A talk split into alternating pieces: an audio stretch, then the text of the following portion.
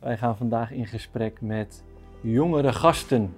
Van kinds af aan voelde ik al dat het pad van school volgen niet uh, de mijne was. Ik ging altijd met buikpijn naar school. Mijn levensplezier, mijn ziel, die verdwenen eigenlijk door Ja. uh, naar school te gaan. Mijn vriendinnen die dus veel nu op de Zuidas werken of gewoon een Ja. tweede master zijn begonnen en zitten. Ja. Jeetje dame, ben je zweverig geworden of wat ben je veranderd? En dat Ja. ik zit van nee, ik ben eigenlijk veel dichter bij mezelf gekomen. Ik heb eh, tien jaar anorexia gehad. Mhm. En op een gegeven moment heb ik het tegen mensen verteld. Met echt zwetende handjes en helemaal zo. Nee. Dadelijk gaan ze weg. Maar mijn vriendschappen zijn zoveel echter geworden. Zijn zoveel mooier geworden.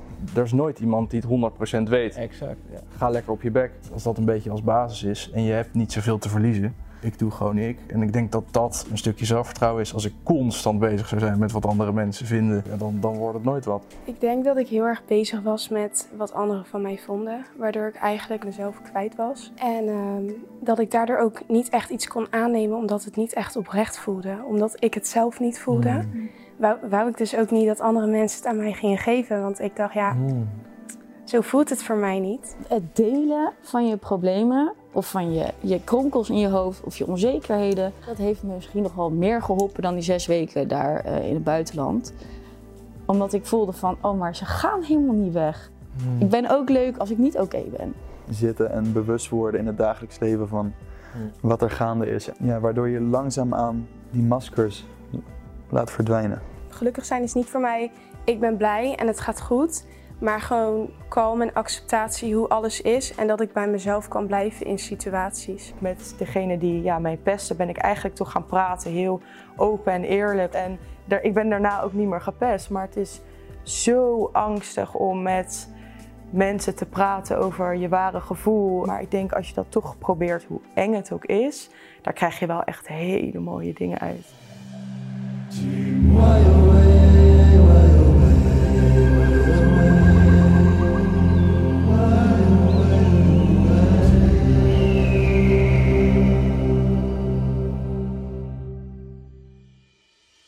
Welkom beste mensen bij weer een nieuwe aflevering van de Tijdboek Lumens podcast. Voor de trouwe kijkers onder ons herkennen misschien wel waar ik zit. We zijn namelijk weer op bezoek bij Bonnie Bessem en Irina Velders, maar de plek van Bonnie is ingenomen door iemand anders. Mm. Wij gaan vandaag in gesprek met jongere gasten.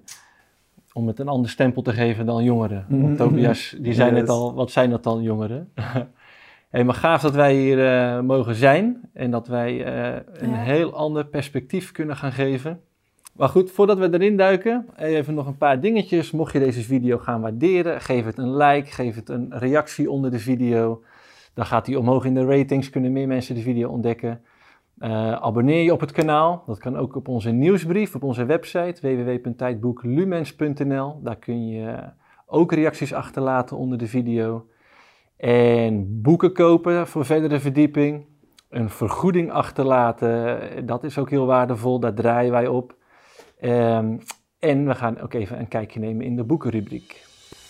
Ik wil een lans breken voor radicaal ander onderwijs.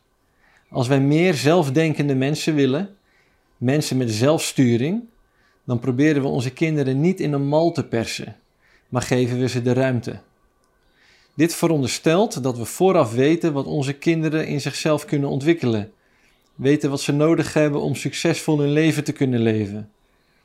En niet alleen wat, maar ook wanneer en hoe. Maar hoe kunnen we in onze snel veranderende wereld weten wat onze kinderen nodig hebben? Hoe kunnen we onze kinderen voorbereiden op een wereld die er nog niet is? Nou, dat wordt uitgewerkt in een van de onderwijsartikelen van het nieuwe tijdboek Lumens editie 2 met als thema waarnemen. En dat stukje wat ik net voorlas komt uit het artikel van Marloes Vis van Heemst met als titel School als oase voor ontwikkeling. Nou, doe er je voordeel mee. Heel veel leesplezier en voor nu heel veel kijkplezier met de podcast. Oké, welkom eh, terug.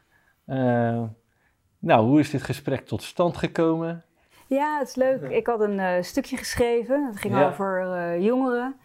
Ehm, dat in deze tijd, eh, zeker voor hooggevoelige jongeren, het een hele lastige tijd is. Omdat er zoveel verwachtingen zijn uh, van ouders, maar ook bij de jongeren zelf, omdat ze ergens aan moeten voldoen Mhm. en in moeten passen. En Mm. dan met name in het schoolsysteem. Ja. Wat niet werkt, ze hebben een overload eh, in hun hoofd. En eh, nou ja, ik had het stukje geschreven, gigantisch veel reacties op, Ja, heel veel gedeeld. ja. En jij benaderde mij, want je liep al een tijdje eh, rond met dit idee van ja, we moeten wat gaan doen. Ja, ja, perfecte timing. Ja, wat mijn insteek ook is, weet je, wij zitten met onze podcast en onze boeken allerlei hele interessante mensen te interviewen. En onwijze diepgang en verdieping. Maar waar ik ook toch achter kom, is de mate van programmering die in oudere mensen zit. Hoe ouder, hoe meer programmering zou je kunnen zeggen. Weet je, ik zie onze mensheid nu als een van de meest geprogrammeerde ja, generaties ooit met schermpjes en onderwijs en verplichtingen en je moet mee kunnen praten over dingen. En hoe jonger de mens, en toen vulde Tobias hem net al aan, hoe puurder de ziel. Ja. maar eigenlijk zie ik dat wel een beetje zo. Van, ja, hoe minder programmering, weet je, hoe vrijer je kunt kijken naar de wereld. Dus ik vind het super gaaf om dat eens een podium te geven. Van ja, weet Ja. je, wat is, wat is jouw visie? En Ja, nou, er zitten daar nog vier andere jongere gasten te wachten. nou dat is zo mooi hè. We hadden het erover van ja, het moet niet gesprek worden tussen ons als Mm. de ouderen. We hadden het net over labels ook, hoe leuk is dat? ja. Maar jongeren, jongeren aan het woord. Dus eh, nou, vandaar eh, dat ik jou Ja. benaderde. En het leuke is, kleine introductie. eh, ik zat bij Lars, zijn vader, eh, op de lagere school. ja. En wij hadden toentertijd verkering. Ah. Eh, wat eh, op een dramatische manier uiteindelijk... eh, we vochten elkaar daarna de tent uit. maar hoe leuk dat jij nu hier eh, Ja, zit. superleuk. En waardoor ik zo geboeid was, is ik hoorde in het filmpje van het interview met jouw vader Mhm. over dat jij eh, school hebt verlaten. Ja, En je bent nu hoe oud? ik ben nu 17. ja, Ik nou denk- dat is ja. echt fantastisch. Dat wil ik heel graag horen. Ja, ik zou graag erover willen vertellen. Ik denk dat ik nu zo'n anderhalf jaar van school af ben. Mhm. Maar van kinds af aan, kinds af aan, ik ben nog steeds officieel kind. eh, voelde ik al dat eh, het pad van school volgen niet eh, de mijne was. Ik ging altijd met buikpijn naar school. Mhm. Ehm, ik moest altijd huilen omdat mijn ouders er niet waren. Maar dat kwam echt door het onderwijs en de manier eh, van waarop je hoort te leren. Dat past gewoon niet bij mij. Een vakken volgen die ik niet interessant vond. Ehm, ik weet niet, gewoon het hele schoolsysteem was niet voor mij bedoeld. En vroeger dacht ik altijd van ja, ik moet het alsnog doen, want er is geen ander pad. Mhm. Maar dat ik ook het geluk heb dat ik ouders heb die mij steunen in wat ik echt wil, ehm, heb ik me ook kunnen realiseren dat ik een ander pad kan volgen. Mijn eigen pad. En ehm, dat is wel heel spannend, want dat betekent dat je iets moet gaan doen waarvan je niet weet waar je uit gaat komen. En ook spannend voor je ouders, denk ik. Ik denk dat nou ook heel veel ouders zitten te kijken van ja, leuk, je kind wil niet meer naar school. Ja, Maar dan? ja, Ja, maar ik, wat, ik, wat ik begreep, hè, school, dat jij er juist eh, depressief van werd. Hè, Mhm. Van eh, eh, het, het moeten, klopt dat? Wat, Ja. wat precies eh, maakte jou depressief? Want ik weet niet, hoe was je daarvoor als kind? En ik was als kind altijd heel gelukkig eigenlijk. Ehm, ja, toen ik, ik weet niet, mijn, mijn levensplezier, mijn ziel, die verdween eigenlijk door eh, naar school te gaan. Ja. Mijn ware interesses, die ko- kon ik niet meer voelen. Ik was alleen nog maar bezig en constant ook in stress doordat ik eh, met school bezig was. En, en waar zat het hem in, denk je? Als je daarop inzoomt, welke aspecten van school duwde jouw ziel eruit? Het niet zelf na kunnen denken. Dus je wordt Ja, eigenlijk een bepaalde richting opgeduwd van dit is wat je moet doen. Ja. Je moet een opleiding gaan volgen later. Daarna moet je 9 to 5 gaan werken. Ja. Totdat je 65 bent of hoe oud dan ook. Ehm, en dan mag je gaan ontspannen. Maar ik denk van, hé, maar dat is helemaal... Is dat het leven? Is dat nou echt wat ik in dit leven Ja. eh, mag gaan doen? Ja. Dat was hem voor mij, die gedachte van dat dit de rest van mijn leven zou moeten zijn. Ja. En waar ik nu mee bezig ben, is ehm, ik ben ecstatic DJ Uh-huh. en ik ehm, ben ademcoach. Ja. En daarbij kan ik echt voelen van dit is mijn pad, dit is de richting waar ik op wil gaan. Maar Ja. daar ben ik achter gekomen doordat ik ben gaan voelen in mezelf van is dit nou echt wat ik wil? En ik heb natuurlijk het geluk, zoals ik net al zei, dat ik ouders heb die dat supporten. Zeker. Maar ehm, Ja. dat is eigenlijk wat je te doen hebt. ja, ik, ik ben wel benieuwd naar, eh, want op een gegeven moment hè, was voor jou het zo duidelijk van, dit werkt niet meer op Mhm. school en het gesprek eh, met je ouders. Mhm. Had je toen ook het punt van, dat zou voor mij heel erg spelen, van ja oké, dan ben ik van school, maar eh, mijn leeftijdsgenoten zitten op school. Dus Mhm. is dat niet eenzaam? Ja en nee. Ik, bij mezelf merk ik dat ik altijd al meer aansluiting heb gevonden bij oudere mensen. Maar dat heeft zeker ook wel een gevoel van eenzaamheid gegeven, omdat sowieso dit pad van bewustwording, persoonlijke groei en spiritualiteit wat ik nu volg, is, is al een eenzaam pad, maar al helemaal op zo'n jonge leeftijd. Mm. En eh, bijvoorbeeld praten met leeftijdsgenoten erover is niet altijd vanzelfsprekend. Dus in die zin, ja, dat is wel ook eenzaam. Maar ehm, ondanks die eenzaamheid kan ik voelen dat de keuzes die ik nu maak wel de, de goede zijn. Ongelooflijk moedig. Ja. En wat heeft jou, wat, wat, hè, want was het diep in jouw hart, eh, was dat, dat pad wat zichtbaar werd van, nou, dat was dus niet op school. Hè, en Mhm. en eh, nou, het gesprek met je ouders, je mocht toen eh, stoppen. Hoe ging dat? Want met instanties, je was eigenlijk nog leerplichtig. Hoe zat dat allemaal? Nou, hoe dat precies met school is gegaan is een geheim, dat mag ik niet Oké. vertellen. Ik denk namelijk dat er heel veel nu met grote oren zitten Ja. luisteren die dit willen. Ja. Mijn, mijn dochter van 15 ook. En ik zou er ook helemaal achter staan Ja. als zij zou stoppen. Dus daarom, ik spreek jou eh, daarna.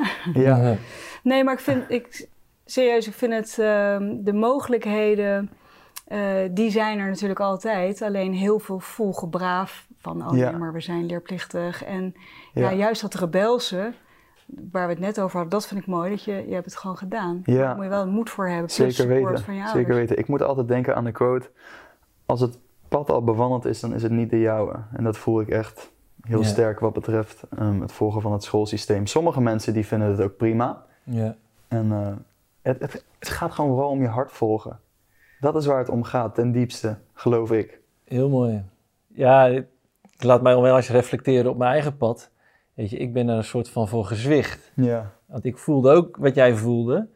Ik was super vrij, maar ja, ik had- zag totaal geen andere weg. Dus ik, ik heb me een soort van overgegeven en ben maar mijn best gaan doen. ja, En gaan studeren en, en succesvol geworden. Ik heb een eigen bedrijf opgericht Ja. en verkocht en, en dat is wereldwijd en, en super gaaf.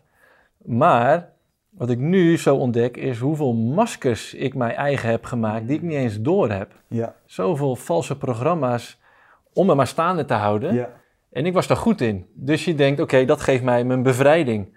Maar het is vals, kom ik nou achter. En dat is, ik vind het heftig om mij daar nu van te ontdoen. ja. Je bent succesvol geworden. Ja. En daar ben je vast ook super blij mee. Misschien ben je ook wel heel blij met je leven hoe het nu is. Dat weet ik verder niet. Ja, Maar in die tijd ben je misschien niet helemaal authentiek geweest naar wat je ware behoefte was. Exact. Als ik dat zo hoor nu, hoe je Ja. erover praat. Ja, en wat Ja. is succesvol? Ik denk dat je succesvol bent als je hart weet te volgen. Ja, En Ja. dat je ondanks de angsten, want die zou je ongetwijfeld gehad hebben, en ondanks de, de vooroordelen, de verwachtingen en de oordelen die spelen, dat je gewoon je eigen pad ja, hebt gevolgd. Ja, dat vind ik super knap en Ja. zo inspirerend voor anderen. ja, mooi om Maar als we teruggaan hè, naar onderwijs, ehm, wat, wat zou in ieder geval jou geholpen hebben? Je gaf al aan eh, ehm, dat je niet meer zelf kon nadenken, maar is er nog iets anders als jij nu ideaal onderwijs zou schetsen voor, voor de middelbare school?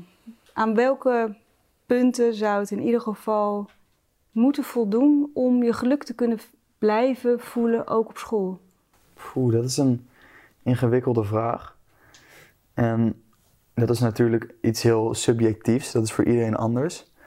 Maar dat je de vrijheid krijgt op een of andere manier om te gaan voelen in het schoolsysteem, wat wil ik? Welke vakken wil ik volgen? En dat je daar bijvoorbeeld je aandacht aan kan besteden.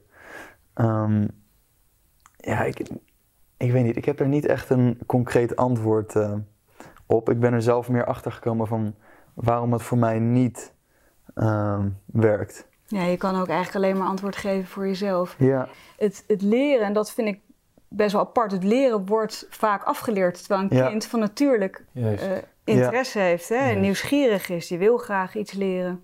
Ja, wat wij met Lumens proberen is om bij alles naar de oorsprong te gaan. Waar komt het vandaan?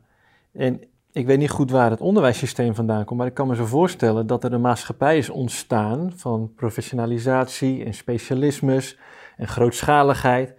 En op een gegeven moment die kinderen gewoon lastig waren die erbij liepen. Mhm. En die moesten opgeleid worden voor fabrieken en bepaalde specialismes.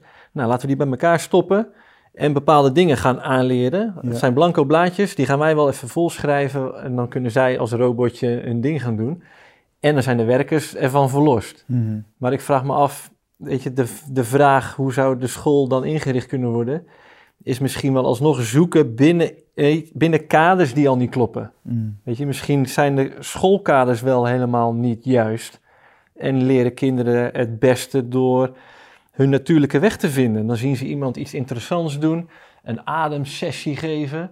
Nou, wat is dat? Mag ik eens meedoen? En, maar, Mhm. en echt vanuit die pure Ja, dat nieuwsgierigheid. het van binnenuit komt ook. Ja, en Ja. daar eens proeven. En ah, da- nou, daar is op mijn bek gaan. Nou, dat, dat is niks. En puur op die manier. Ja. Ja, ik ben wel een voorbeeld, denk ik, voor nou niet alleen maar eh, jongeren, ook voor heel veel volwassenen. Hmm. Ik, naar aanleiding van wat jij net zei, ehm, realiseerde ik me iets op jouw vraag. En dat was ehm, minder onder druk zetten.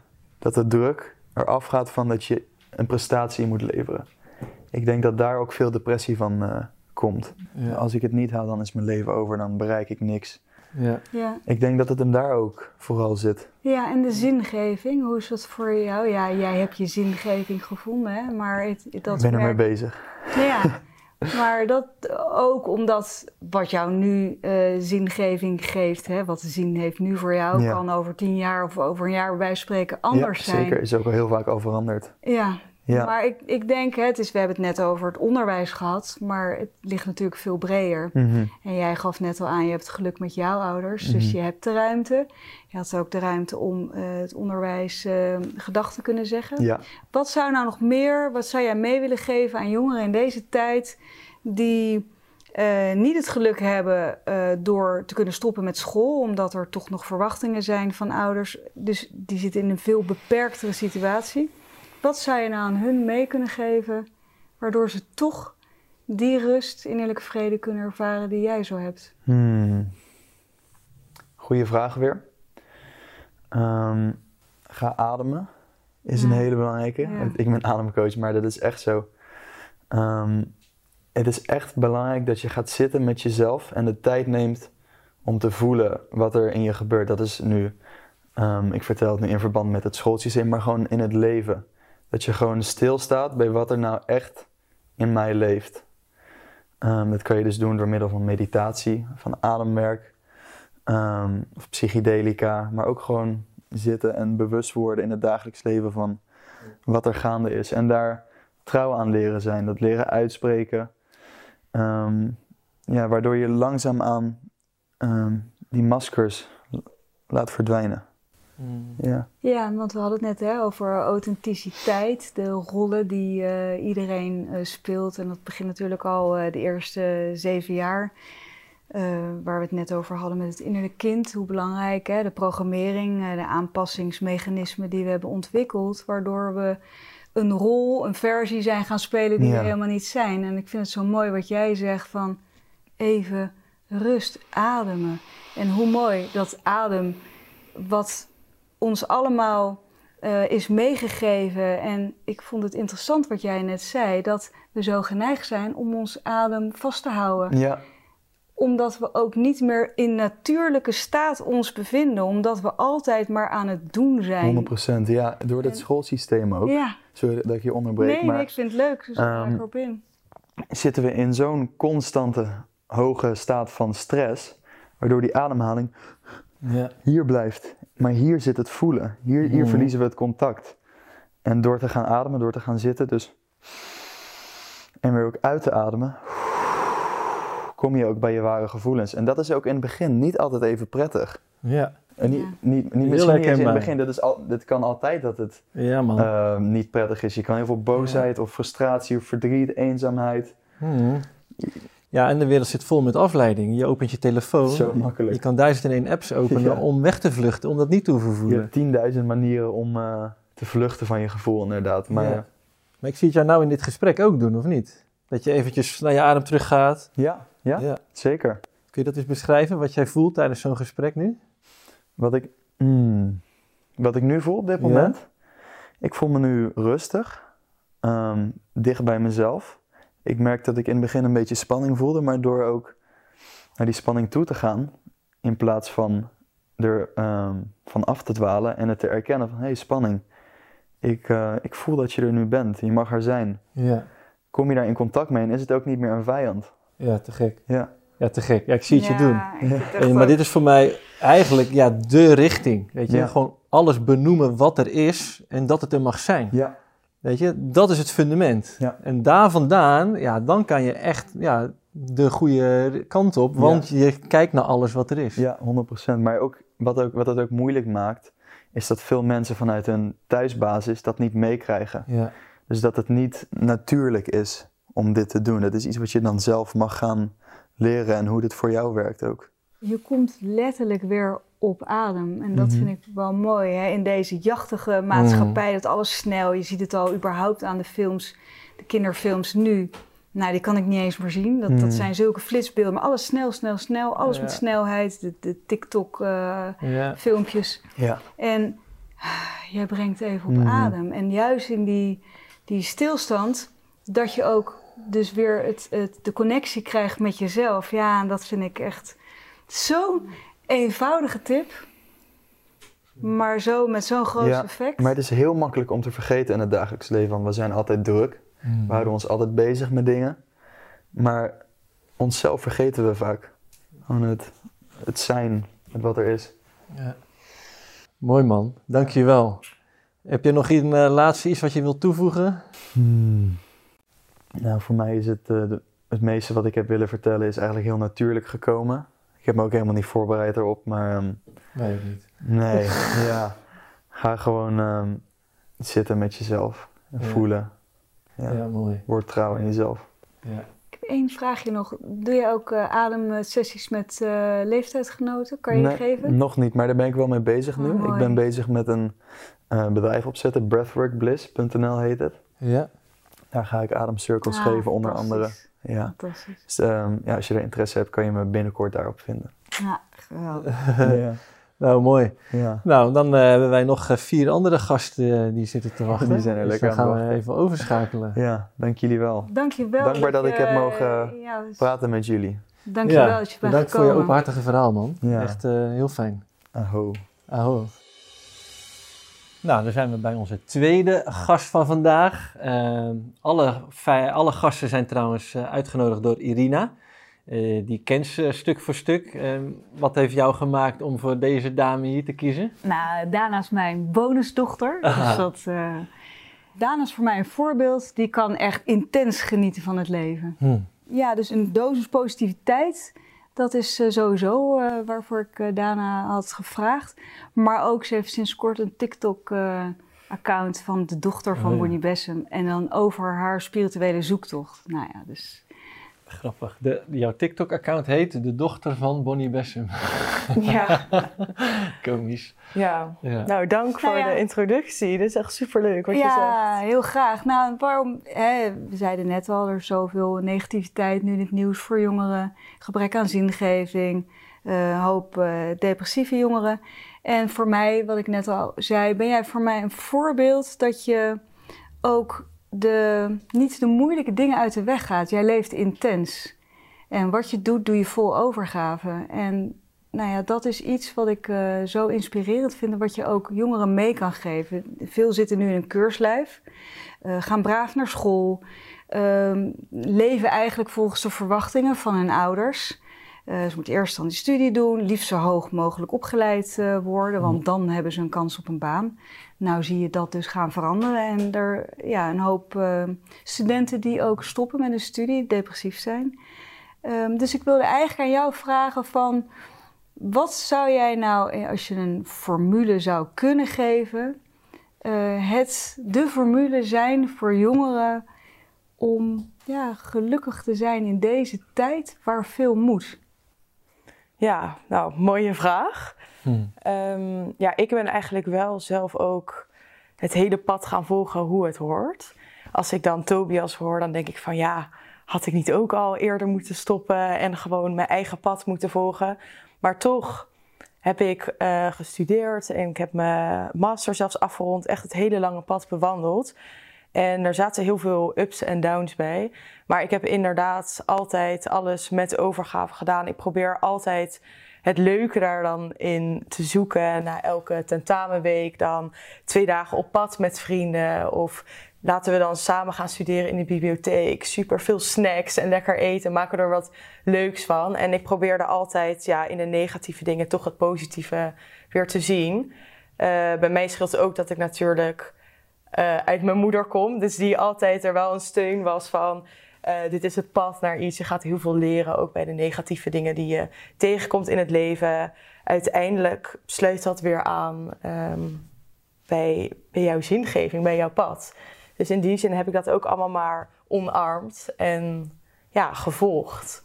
Ja, want toen jij studeerde, had je toen het gevoel van dit is het pad wat ik uh, loop vanuit mijn ziel? Of is het het pad wat toch een beetje in de lijn der verwachting ligt? Niet zozeer van uh, je ouders, maar misschien van jezelf, omdat dat eigenlijk het pad is wat iedereen loopt. Ja, nou in eerste instantie toch wel, um, dit is hoe het hoort. Ik heb uh, HAVO gedaan, ik ga dan nu mijn eerste jaar HBO doen. Dan hou je P, nou ook wel leuk, dan gaan we ook naar de universiteit. Uh, maar toen ik eenmaal bezig was, merkte ik ook van... Ik vind het best leuk wat ik aan het doen ben. Maar dat komt ook omdat ik heb altijd eerlijk een drang gehad om mensen te helpen. En je hoort vaak mensen doen vrijwilligerswerk in Afrika en dat gaat dan verkeerd. Of mensen proberen mensen te helpen, maar weten eigenlijk niet hoe. Dus ik dacht altijd van, nou ja, ik ga studeren. Mensenrechten heb ik nu ook gestudeerd. Zodat ik echt ook weet, of nou ja, wat er dan beschikbaar is um, wat mensen nodig kunnen hebben en daar echt mijn studie van maken om daarover na te denken. En nu ben ik heel blij dat ik ben afgestudeerd in mensenrecht. Dat ik ook weet van ik heb hier de nodige tijd uh, mezelf in verdiept en documentaires gekeken en essays geschreven om uiteindelijk ja, echt te kunnen voelen dat dit is wat ik wil. Mensen helpen uiteindelijk. Ik vind het mooi, hè? we hadden daarvoor uh, gesprek uh, met Tobias, die uh, juist voor hem was het niet zijn pad om school te volgen. voor jou is het pad niet belemmerend geweest dat je er depressief door werd. Je bent hem juist gaan doen. Wat ik mooi vind daaraan is dat jij binnen, voor misschien voor iemand anders, hè, de, het geëikte pad heb jij daarin je geluk gevonden? En volgens mij is bij jou, uh, en je moet me verbeteren als het niet zo is, maar de formule juist het stuk zelfliefde, zelfzorg. Dat binnen de kaders heb jij je vrijheid volledig kunnen vinden, omdat jij, um, ja, jij kon heel goed omgaan met de structuur van het systeem dan.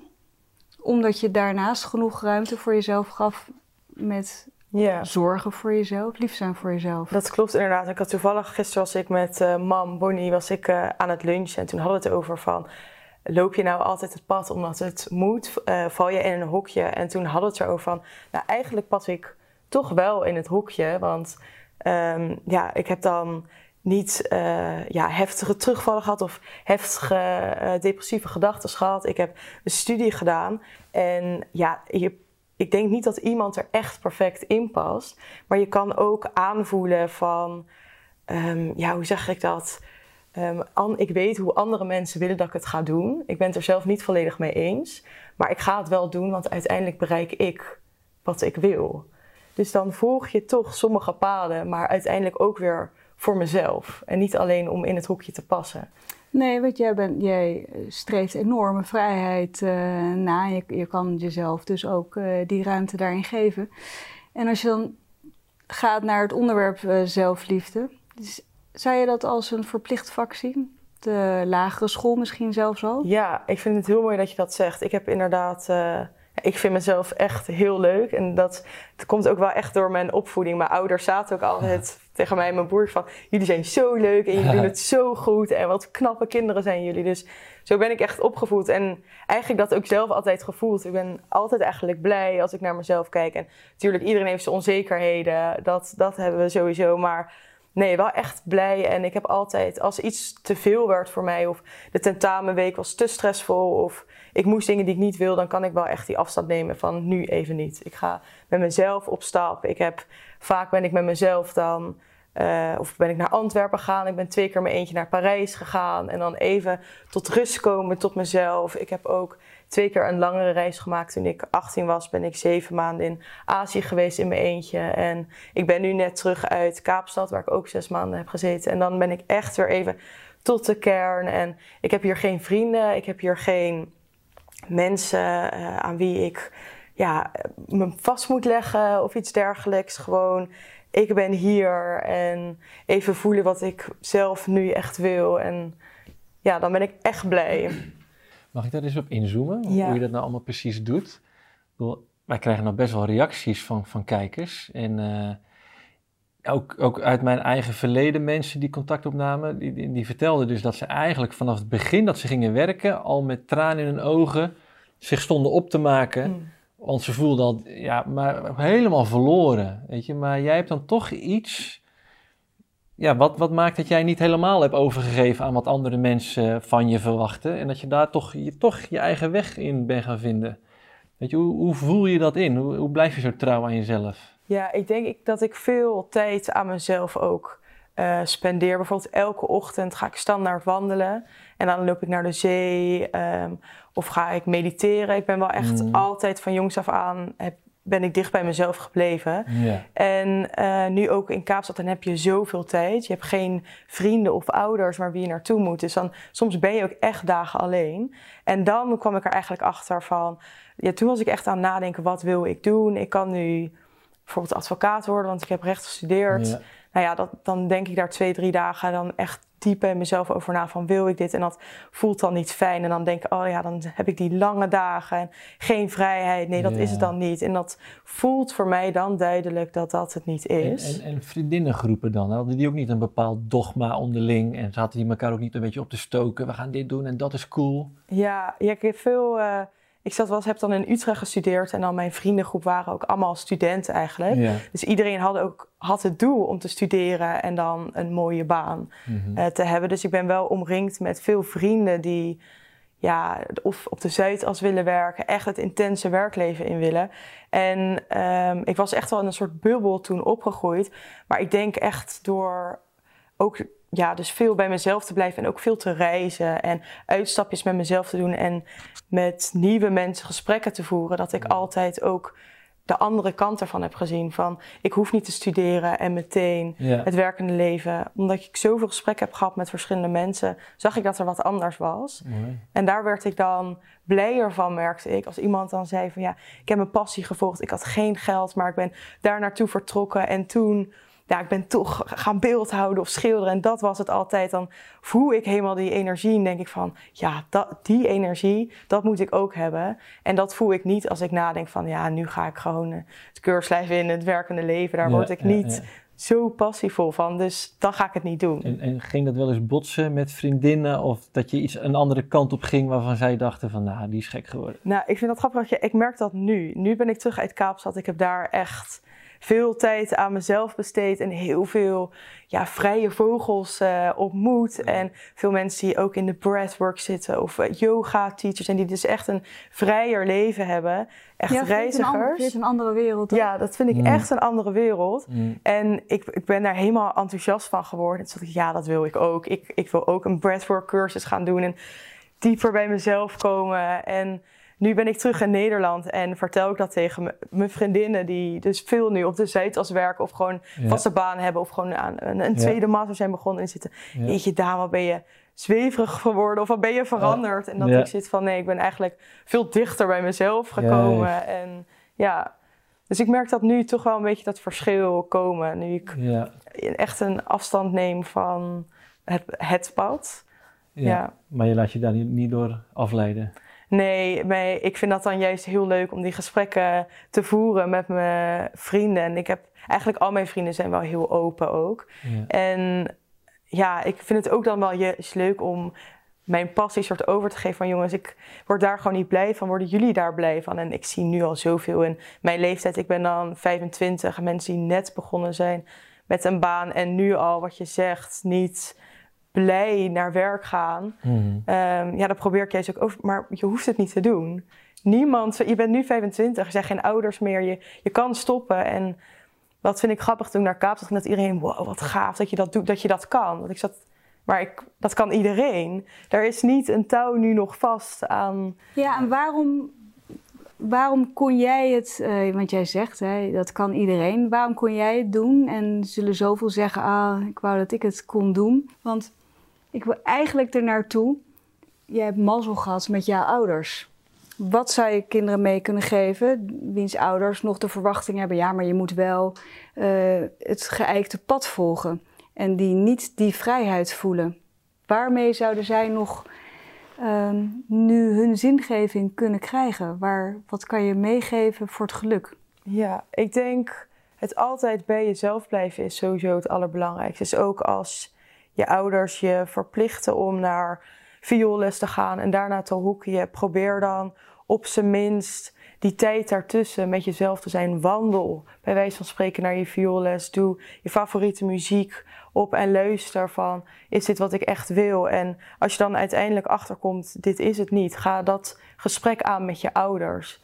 Ik geloof best dat er heel veel ouders zijn die toch doordrammen naar hun eigen wil. Maar op het moment dat je kind heeft nagedacht en echt bij zichzelf heeft gevoeld van ik, ik heb me overgegeven, ik wilde naar de vioolles toe, uh, maar ik voel dat dit nu niet het juiste pad is. En als je dat dan open en duidelijk zo neerlegt en een, een gesprek probeert te voeren, denk ik dat je daar misschien nog wel een mooie compromis ook in kan vinden. Um, maar ik denk ook dat het, het openstellen voor wat je ouders willen en dan laten zien, ik heb het geprobeerd, maar het voelt niet goed. En dat dan bij elkaar neerleggen, denk ik dat dat wel een verschil kan zijn. Laat, laat zien waar je wel passie van bij voelt en waar je blij van wordt. Want ik denk dat elke ouder uiteindelijk wil dat zijn kind blij is. Oh. Wat ik leuk uh, van, van jou vind, is dat jij in beide werelden je kan bewegen. Hè? Dus in die uh, corporate wereld waar je het net over had, mensen die in de Zuidas uh, werken. En je kan jou neerzetten in de spirituele wereld. We hadden vorige week een retret en Dana was mee. Mm. En Super daar was dat. pas je ook weer zo. En het mooie is, vind ik, daarbij verlies je niet jezelf. Want het lijkt alsof je een chameleon bent die zich aanpast. Maar het is, um, daarin zit de sleutel. Jij kan je in iedere situatie met alle mensen begeven omdat jij zo authentiek bent. En we hadden eerder hè, met Toby al het uh, gesprek over authenticiteit. Wat zou jij mee willen geven hoe authentiek de jongeren zouden kunnen zijn? Ja, het is een moeilijke vraag, want ook ik had op de middelbare school als iedereen dan die jas kocht, dan wilde ik die stiekem ook. Terwijl ik wilde niet voor mezelf, maar dan hoor je er toch bij. Ik denk dat heel veel mensen altijd wel het gevoel willen hebben om ergens bij te horen. Dus ik wist dat ik niet overal bij paste, maar ik vond het toch wel ook fijn. Want ja, daardoor heb je ook weer vrienden en gesprekpartners op school. Om dicht bij jezelf te blijven is. Ik denk als jongen, we zijn heel bang ook om tegen ja, de mensen bij wie je beter hoort om daar een gesprek mee te voeren. Ik, had, ik werd ook in de brugklas bijvoorbeeld gepest. Ik had toen met een meisje gezoend. Uh, dat was echt nou, een, een schandaal bijna. Um, en eerst was ik, werd echt gepest en ik voelde me er niet bij horen. Maar toen ben ik na een tijdje, toen zei mijn moeder en ook mijn nicht van... maar praat met die mensen. En toen ben ik uiteindelijk met degene die ja, mij pestte, ben ik eigenlijk toch gaan praten. Heel open en eerlijk van, nou dit was mijn gevoel, ik wilde het gewoon proberen. En toen merkte ik uh, dat daar toch wel begrip voor was. En ik ben daarna ook niet meer gepest. Maar het is zo angstig om met mensen te praten over je ware gevoel en um, ja, je onzekerheden. Maar ik denk als je dat toch probeert, hoe eng het ook is, daar krijg je wel echt hele mooie dingen uit. Hmm. En dat zijn nu eigenlijk al mijn vriendinnen, diegenen die juist tegen mij zeiden van, wat doe je? Of je hebt een andere jas aan, of je hebt met een meisje gezoend of iets dergelijks. Die opeens, toen ik daar open over op ging praten, kreeg ik ook terug van, oh ja, ik voelde me eigenlijk ook niet thuis en ik doe ook maar mee. En toen ik dat terugkreeg, dacht ik, wauw, ja, nee, ik moet bij mezelf blijven en dat blijven uiten, want daar krijg ik ook het meest voor terug. Jij durft dus ook echt uniek te zijn. Ja, en dat, en dat had ik niet, want ik begrijp, en ik begrijp ook echt dat dat heel moeilijk kan zijn, maar die eerste stap zetten en het gesprek openen, dus of met je ouders of met de vrienden die toch niet echt je vrienden zijn. Dat kan echt heel veel verschil maken. Nou, ik denk dat iedereen dat wel ook kan herkennen in bepaalde mate. Weet je, dat het oncomfortabel is om bepaalde gesprekken aan te gaan of stappen te zetten. Maar waar vervolgens wel een enorme expansie en bevrijding te vinden is, waar je met onwijs veel plezier en geluk op terugkijkt. Ja. Maar telkens weer, praat ik echt voor mezelf, als er weer zo'n nieuwe situatie zich voordoet, oef, weer die moeite. Weet je, maar om daar echt een soort ja, levenskunst in te vinden van ja, ga er maar aan, want het is gewoon mooi om te doen. Ja. Ja, jij hebt natuurlijk altijd wel een voorsprong gehad uh, op anderen, omdat je uit zo'n spiritueel nest komt. Nou, het is grappig dat je dat zegt. Dat denken heel veel mensen eigenlijk. Ook uh, vorige week, dat vond ik zo grappig. Toen waren we ja. bij de retraite en toen kwam ik langs. En uh, dan kwamen er heel veel mensen naar me toe. Ah, oh, de dochter van Bonnie. En die wilden dan graag van me weten. Oh, en hoe was dat dan? Waren jullie dan vaak aan het mediteren? En wat deden jullie allemaal? Wat, hoe was de opvoeding? Toen dacht ik, ja, echt precies hetzelfde als ieder ander mens eigenlijk. Want alles wat je ouders doen, vind je stom. Dus zo, dat was ook bij mij zo met wat mam deed. En vooral als dan... Ja, de kinderen uit mijn klas, die, die hadden dan gehoord van hun ouders dat mijn moeder uh, met doden kon praten. Dus dan werd tegen mij gezegd: Kan je moeder met doden praten? En ik zei: Nee, nee, nee, dat, dat, dat kan ze niet. Dus voor mij was dat. Ik heb me daar heel erg uh, tegen geweerd in het begin. Uh, maar dat begint nu opeens een beetje op te komen. Ik, had, ik was zes maanden geleden naar Kaapstad gegaan. En toen had ik het boek van mijn moeder meegenomen. Toen dacht ik, nou, het wordt nu wel tijd. Tien jaar later laat ik het boek Onderweg naar Verlichting lezen.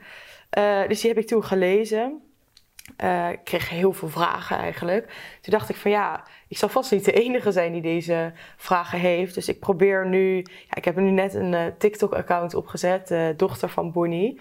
En ik probeer nu het boek te lezen en dan de vragen die bij mij opkomen, ja, hardop te stellen eigenlijk. En dan het antwoord proberen te vinden, maar gewoon niet als al een eh, spiritual awakened persoon, maar gewoon iemand die ja, net komt kijken, wel wat heeft meegekregen natuurlijk van mijn moeder en de familie. Maar ja, ik, ik weet bij lange na niet alles. Dus ik wil dat ja, nu gaan ontdekken. Oh, dat is leuk. Dus je doet via jouw TikTok-account... Um, laat jij eigenlijk het pad zien, het spirituele pad... wat je nu sinds kort eigenlijk bent gaan lopen. En, want ik had een klein stukje gezien over de ziel, hè? Ja.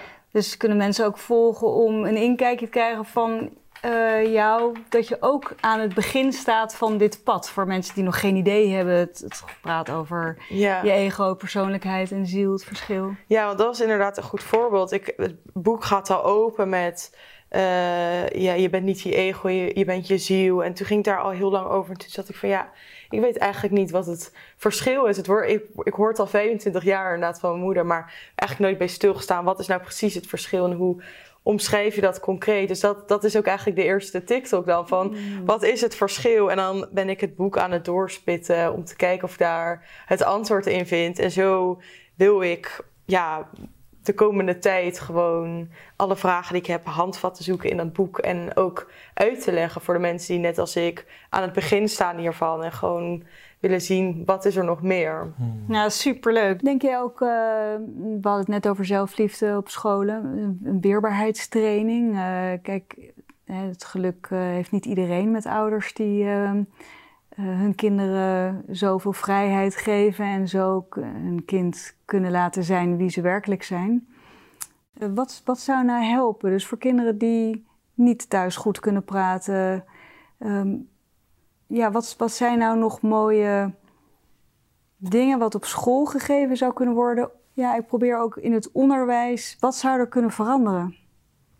Ik denk dat als ik het nu zo voel van wat zou ik nou echt fijn vinden op de basisschool of middelbare school, was toch wel echt het praten of in ja, mijn gevoelens uiten. Ik had niet echt het gevoel dat we daar heel veel ruimte voor hadden. Maar dat hoeft niet uh, met een docent of met je klas, maar misschien in een soort artistieke omgeving. Laat mensen kleuren, laat mensen zingen, laat mensen dansen en open daar in een gesprek. Maar dat je daar wel in een soort ruimte kan creëren. Een soort, ja, wat, wat zou nou fijn zijn? Misschien dat je twee, drie uur per week dat zelf mag invullen met een groepje en dan met de hele school. Dus als de brugklas eh, en iemand uit de vierde bijvoorbeeld heel graag willen tekenen in vrije tijd, zitten zij samen. Of mensen die samen willen zingen, zitten die samen. Dat je ook verschillende misschien eh, groepen vindt eh, op school.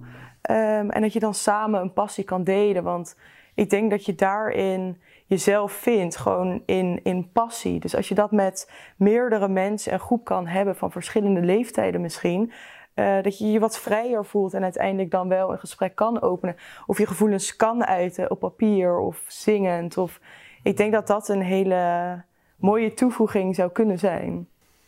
Dankjewel. Dus passie, zelfliefde en authenticiteit, die zijn het voor jou. Ja. Mooi, ja. dankjewel. Dankjewel, prachtig. Ja, jullie bedankt. Bedankt dat ik hier mocht zijn. Nou, dan zijn we weer met een nieuwe gast. Um, Pip, leuk dat jij ook aanschuift. Leuk dat ik er mag zijn. Ja, nou ja. wederom aan jou de vraag Irina, wat heeft jou Pip doen uitnodigen? Ja, nou ik uh, ken Pip via Dana, via de dochter van uh, Bonnie. En ik had Pip één keer ontmoet en dacht ik, ach wat een ongelooflijk leuk, puur, uh, zo authentiek persoon. En ook, ja, zo, wat Dana ook heeft, echt. Nou ja, dus ik wilde jou heel graag hier hebben op de bank. En, Leuk fijn. Ja, fijn. Ik ben er heel vrolijk van. Ja, wat een complimenten. Ja, joh, nou hou ze op. En zo. Word je er ongemakkelijk van? Nee. Okay. nee ik, wil, ik ben altijd geneigd om iemand meteen een compliment terug te geven. Maar ik heb mezelf dat afgeleerd. omdat het dan het compliment van de ander wegmaakt. Lekker ontvangen. Ja, dus ja. ik wil altijd gewoon luisteren. Zeg, dankjewel. Nou, we hadden een heel leuk uh, gesprek voorafgaand uh, uh, aan deze opname. Oh, lekker hier op het terras met alle jongeren bij elkaar. En het gesprek ontstond eigenlijk over het labels, hè, over het authentiek zijn. Mm. En nou ja, ik vind jou dus heel authentiek. Je laat echt echt jouw echte kant zien.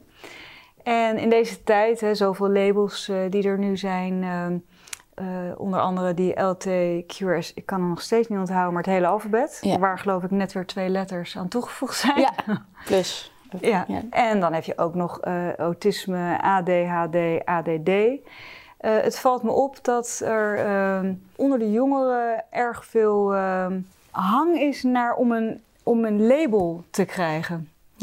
En ik heb er ook gesprekken mee gehad met uh, jongeren van 15. En die zeiden ja, maar het is ook nodig, die labels, uh, voor erkenning, hè, voor uh, ieder label wat in dat alfabet zit. Omdat uiteindelijk moeten we zonder label, omdat er nog eigenlijk niet een acceptatie is van alle labels. Ben je het daarmee eens? Um, nee. ik vind eigenlijk, um, wat ik zelf heel erg heb gemerkt, is dat hoe meer je jezelf bent, zonder dat label, uh, hoe meer uh, acceptatie er eigenlijk is. Um, ik, heb, uh, ik ben zelf heel lang ziek geweest, omdat ik dus heel erg gewoon, ik wist gewoon niet wie ik was. Um, ik heb vroeger heel veel toneel gespeeld, gezongen, televisie gedaan, dat soort dingetjes. Um, maar dat werd nooit echt geaccepteerd. En ik was altijd het gekke kind in de klas, zeg maar, altijd anders. En ik paste toen al niet echt in een hokje. dat vonden mensen heel moeilijk, blijkbaar. En daardoor werd ik altijd een beetje gepest en uh, was, hoorde ik er nooit echt bij. Um, en toen ging ik naar de middelbare school en toen dacht ik, ik ben daar helemaal klaar mee. Ik wil nooit meer anders gevonden worden. Mijn vader is ook artiest, dus die is ook een beetje gekkig. Uh, daar schaam ik me heel erg voor. Ik schaam me voor mezelf en voor mijn vader. Um, dus ik wilde daar nooit meer um, mee geconfronteerd worden. Dat mensen dachten of zagen of vonden dat ik anders was. Dus toen ben ik mezelf heel erg kwijtgeraakt. En ben ik dat hele authentieke, wat jij nu, dat vind ik heel fijn dat je dat zegt. Omdat ik dat heel lang um, dus heel erg kwijt was. Um, en dat uh, heeft er toe geleid dat ik heel lang ziek ben geweest. Um, en ja, dat heb ik nu de laatste jaren, nu het, of nou, twee jaar of zo, sinds het wat beter gaat, ben ik dat heel erg gaan terugvinden. En merk ik dus dat mensen om mij heen dat dus opmerken en ze me niet kunnen plaatsen, maar dat ze dat eigenlijk wel leuk vinden. Um, en ik denk ook dat dat met bijvoorbeeld seksuele geaardheid en zo, dat je mensen gewoon lekker zichzelf moet laten zijn. En dat dat, of dat nou een hokje is, er maar whatever. Mm. Boeien, mm. eigenlijk. Lekker boeien. Want je, je hebt ook een label zodat andere mensen snappen waar ze jou in kunnen plaatsen. En zoals ik was anders en dan werd ik daarmee gepest, omdat ze mij niet snapten. Ze konden me niet in een hokje plaatsen vinden andere mensen heel moeilijk. Alsof er dan al uh, iets te verwachten is of iets niet te verwachten is van ja, diegene. Dat ze weten wat ze aan je hebben of waar ze dan, uh, weet ik veel, een vraag over kunnen stellen. Of dat ze dat ze er iets ku- van kunnen vinden. Ja, want hoe heb jij jezelf teruggevonden? Je zei, ik was mezelf kwijt eigenlijk. Ja, Ehm, nou, eh, ik heb, ja, het is, ik ga het wel vertellen, maar ik heb eh, tien jaar anorexia gehad. En op een gegeven moment, ja, we wisten niet meer zo goed hoe we mij moesten helpen.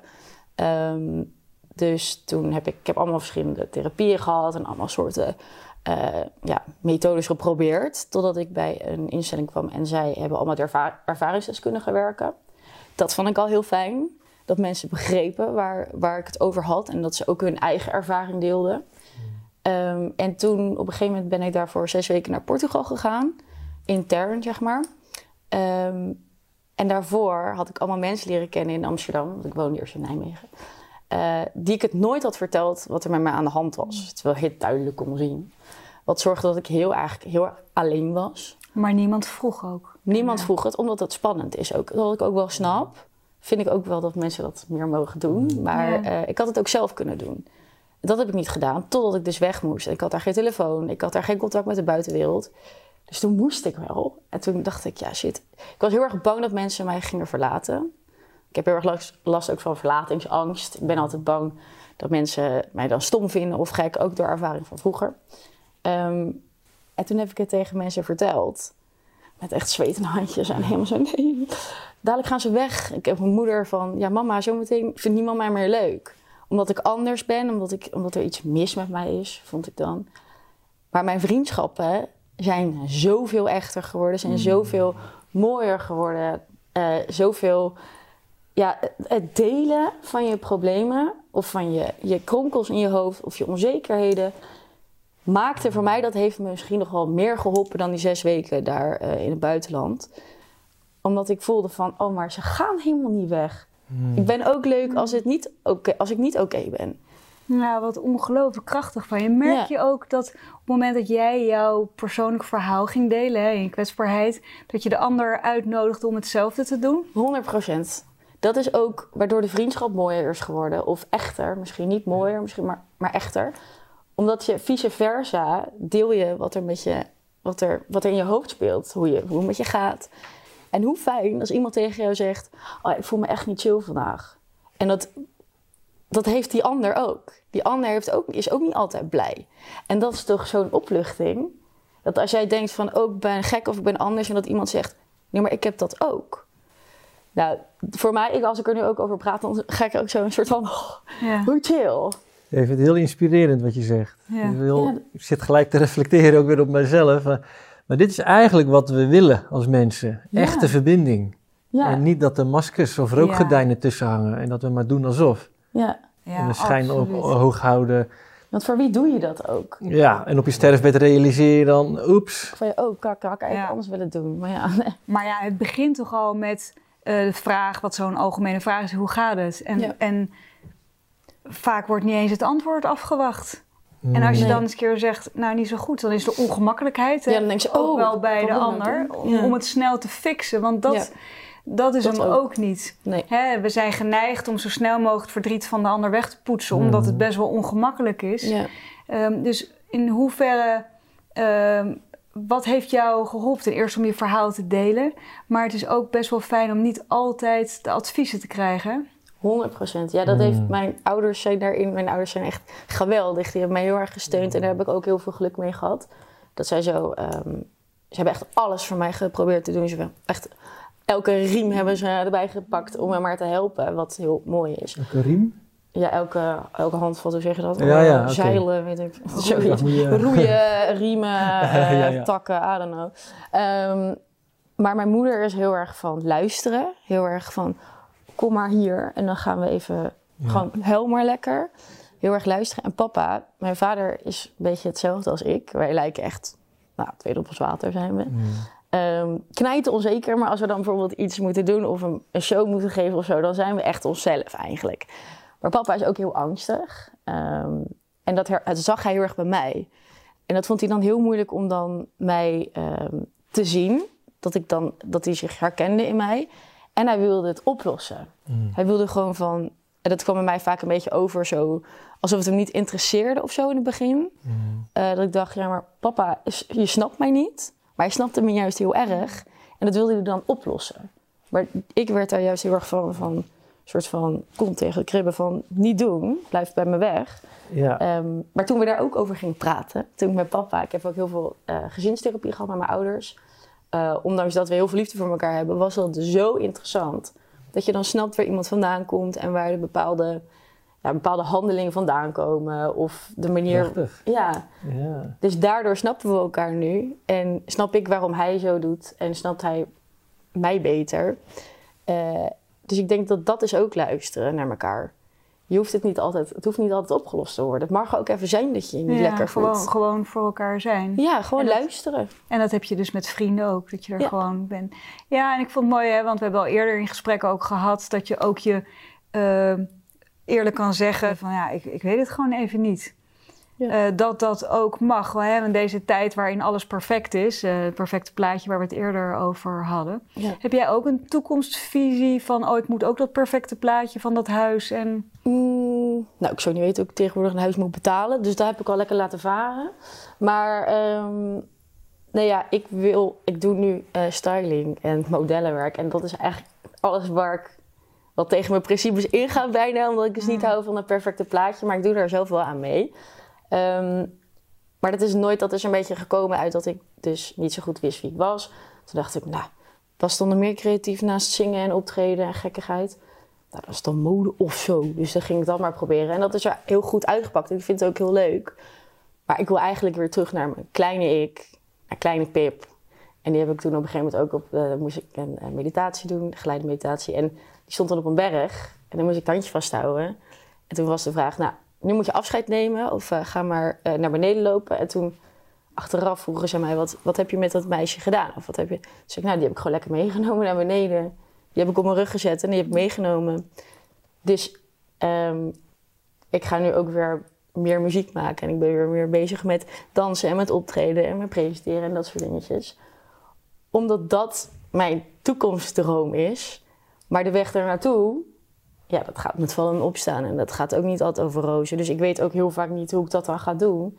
Maar mijn hart volgen daarin, dat is denk ik de key. Ja. Ja, En gewoon doen waar je echt gelukkig van wordt. Je, je kunt je er ook echt oprecht aan overgeven dat je nog niet het eindpunt alleen maar helder ziet. Of Nee. de berg, top van de berg. Maar je weet wel, dat is de richting. Ja, Dat voelt goed. Dat is mijn roeping. En klaar. ja. en misschien wel Geen discussie meer in je eigen hoofd. Nee. Ja, het is, mis- misschien zie ik op die, als ik halverwege ben in die berg, dan zie ik daar een andere leuke berg. En dan denk ik, oh, nou, daar wil ik ook wel even naartoe. Ja, dan ga ik even ook, daarheen. En misschien dat ik weer terug ga naar die ander. Maar ja, dat nee, zie dat voel ik wel. ook regelmatig. Dat ik ergens naartoe getrokken word. Wat misschien juist wel de bedoeling was om richting dat punt te gaan. Om vervolgens tot een andere realisatie te komen waar ik voor, vooraf nooit naar had gekeken. Of Nee. nooit in mee was gegaan. Ja, en ook dat op je, op je weg gaan, zeg maar. Ja. Net zoals dat ik dan eh, zo ziek ben geweest. Dat heeft me uiteindelijk wel gebracht dat ik hier nu zit met jullie. En dat ik nu met jullie aan het kletsen ben en dat ik er zo over kan vertellen. Maar het heeft Ja. jou dus uiteindelijk, dat vind ik mooi, omdat de omstandigheden kunnen we vaak niet veranderen. Nee. Maar jij bent er anders naar gaan kijken. Je hebt het als kracht gebruikt Ja. en dan wordt het een zegen in plaats van de zwakte. Ja. En ik vind het mooi wat jij zegt ook met de, het nu anders durven zijn. Hè? Nu, zie je dat nu ook als kracht? Eh, Waar je, waar je vroeger eh, het misschien afwees, het anders zijn van jezelf? Ja, en dit is ook heel erg mijn omgeving die het support. En ik vind altijd... Ik zou willen dat ik het echt uit mezelf kon halen. Dat ik denk, ik ben oké. en als maakt niet uit wat iedereen zegt. Maar dat vind ik wel belangrijk. Ik, zeg maar, dat doet me nog steeds wel wat. Ik zou willen dat het niet zo was, maar dat, ja, dat Het is ook ben ik nog een aan het hele leren. moeilijk, hoor. Dat is heel moeilijk. Lijkt me echt, Ja. zo als je het wel kan, heel vet. Ehm, maar ja, ik heb dat nog wel een beetje nodig. Ehm, dus ja, het is voor mij gewoon... Ik ben de vraag even helemaal ook kwijt Nou, ineens. Eh, we hadden het er eerst over, hè, dat je zei van ja, ik was altijd anders. Oh ja. En eh, over authenticiteit. Ehm, vind je het nu juist fijn om anders te zijn? Vind je het nu juist eh, krachtig om misschien wel niet in het gepaste hokje te passen? Heel erg. Ik denk dat daar bij iedereen ook zijn kracht ligt. En dat dat voor iedereen eigenlijk het doel is. Want je bent, je bent jezelf, je bent Ja. alleen. En waarom zou je dat nooit helemaal tot bloei laten komen? Want het is jouw leven. En boeien wat ieder ander denkt. Zou ik willen denken, zo zou ik willen denken. Zo denk ik steeds meer. Eh, maar ook omdat ik terugkrijg van mensen. Ik weet nog wel vroeger als ik dan aan het optreden was en kreeg applaus. Dan dacht ik, nou vet, dat wil ik nog, dat wil ik elke dag. Maar dan kwam ik op school en dan kreeg ik het tegenovergestelde. Dus dan was het heel tegenstrijdig. En ik denk ook dat omdat de mensen om mij heen ouder worden... en zij zichzelf ook beter, steeds beter leren kennen... dat ze het ook meer accepteren dat ik ehm, gewoon zo ben. Ehm, en dat dat ook bij kinderen juist heel erg ehm, meer gestimuleerd mag worden. Dat kinderen elkaar beter kunnen begrijpen op school. Dat, er meer, dat het er meer over gaat wie zij zijn. En dat ze, dat, dat ze er ook voor durven staan. En dat er daardoor begrip komt, ook op jongere leeftijd al. Krijg nu heel vaak terug van... wat leuk dat jij zo anders bent, of wat gek, of wat cool. Maar dat is ook omdat ik er zelf meer rust bij heb. Maar ook omdat andere mensen het ook steeds leuker vinden als je anders bent. Je werkt het ook wel eens tegen je? Dat je om dat het een soort regeltje wordt in jezelf, dat je altijd anders wil doen. Dat heb ik zelf namelijk een tijd gehad, dat altijd lekker tegendraads willen zijn. Dat ik soms dat ook in situaties deed waarvan ik achteraf dacht, ja, dat was eigenlijk niet zo nodig. Dat was een beetje bij de hand. Dat het een soort gimmick wordt of een soort uh, nieuw, nieuw masker, zeg maar. Ja. ja, daar denk ik wel vaak over na. Dat ik denk, oké, kijk, ik ben heel druk van mezelf. Ik doe altijd gekke stemmetjes en zo. Ik praat altijd iedereen naast iemand een accent heeft, dan ga ik dat ook aanmeten. Vet irritant. Maar dat zeg ik dan vaak ook hardop van, yo, sorry, ik praat echt alleen maar onzin tegen je. Sorry, ik vind mezelf echt heel vervelend. Dus dat, dat zeg ik dan ook hardop. En daardoor vinden mensen dat dan weer grappig of zo. Maar ik denk echt serieus van, hou nou eens je mond dicht. Maar um, ik ben wel dan echt mezelf. Als ik niet mezelf ben, dan denk ik heel erg na over wat ik zeg. Net zoals nu, ja, er komt echt van alles uit. Dat ik ook de vraag vergeet, omdat ik gewoon totaal. Ja, heerlijk. Dat je zo jezelf... Ik heb een vraag nog aan je. Vind je jezelf leuk? Um, lastige vraag. Ik vind mezelf wel steeds um, leuker. Maar um, dat is voor mij nog wel echt iets waar ik nog steeds echt heel erg hard aan moet werken. Ja, maar ik vind dat heel mooi. Ik vind het mooi, jouw eerlijke antwoord. Ja. Ja, dat, en daarom is dat is ook de reden waarom je hier zit. Omdat jij zo je echtheid laat zien. Omdat dit is waar, nou, ik denk wel bijna iedereen mee worstelt. Ja. Hè, over hoe leuk je jezelf vindt. Nou, ook de volwassenen zijn daar nog niet. Nee. En is dat voor jou ook? Ik heb met, uh, eerder met iemand erover gehad, hè, over de spiegel. Heb jij de spiegel gehad van je ouders dat die zichzelf, uh, dat die echt van zichzelf houden, waardoor jij die spiegel kreeg? Um, nee, mijn vader is ook heel onzeker. En mijn mama eigenlijk ook. Um, zij waren altijd heel lief naar mij van dat zij um, gewoon naar mij heel erg complimenteus en heel erg van. Ze hebben me altijd met alles gesupport en heel veel liefde, maar voor zichzelf ook niet altijd even veel liefde. En dat is denk ik ook iets wat je meekrijgt als kind, daar hebben we het ook heel veel in die gezinstherapie over gehad. Uh, je meet het een beetje aan. En ondanks dat iemand dan heel veel liefde aan jou geeft, maar niet aan zichzelf, um, dan is dat als kind, dan ga je dat ook een beetje overnemen of zo. Of als je, ik denk dat je dat ook een beetje aanvoelt en zo. Um, dus ik denk, ja, ik denk dat wat, wat uh, Bonnie en wat, jij, wat jullie hebben, um, jullie hebben ook heel veel liefde voor jezelf en daar ben je heel erg mee bezig. En daarom heeft Daan dat dus ook, dat zij zegt van, dat vind ik altijd zo cool. Dat zij, maar dat vindt ze ook oprecht van, ik vind mezelf gewoon echt leuk. Ja. En dan denk ik echt, zo cool. Dat vind ik zo vet. Maar ik denk ook dat het, daarom wilde ik het dus ook heel graag vertellen. Omdat ik dus ook mensen wil laten zien van, dat is ook niet, het is ook oké als je dat niet vindt. Ja. En het is Absoluut. lastig. En het is ook allemaal af en toe gewoon best wel KUT, zeg maar. Dat is het ook gewoon, maar het is ook heel leuk. Nou, het, roept bij mij ook de vraag op van, wat versta je onder jezelf? Weet je, de vraag, vind je jezelf leuk? Ja, welk deel is dat dan precies? Is dat dan die zuivere zielenessentie of die geest? Of pak je daar dan ook de valse programma's bij? Ik vind mezelf te gek tegenwoordig. Love it, ja, Al die, al die nepprogramma's, ja, daar identificeer ik gewoon niet meer mee. Soms neemt het me onbewust over. En dat vind ik dan even niet leuk, maar dat was ik niet. Ja. Weet je, dat is die valse cultuur waarin ik ben geboren. Het is niet mijn schuld, wel mijn verantwoordelijkheid. Ja. Nou ja, ik denk dat dat best wel lastig is. Dat je ten eerste het, het onderscheid al moet kunnen maken tussen het programmeerde, het aangeleerde deel. hè, wat we door opvoeding, eh, nou, onderwijs worden natuurlijk geprogrammeerd. Hè? Je speelt je, je rollen. Ja. En de een wordt de pleaser, de ander wordt de clown, maar dat is natuurlijk Ja. niet wie je, wie je bent. Maar om daarachter te komen, eh, uiteindelijk de vraag, ja, maar wie ben ik echt?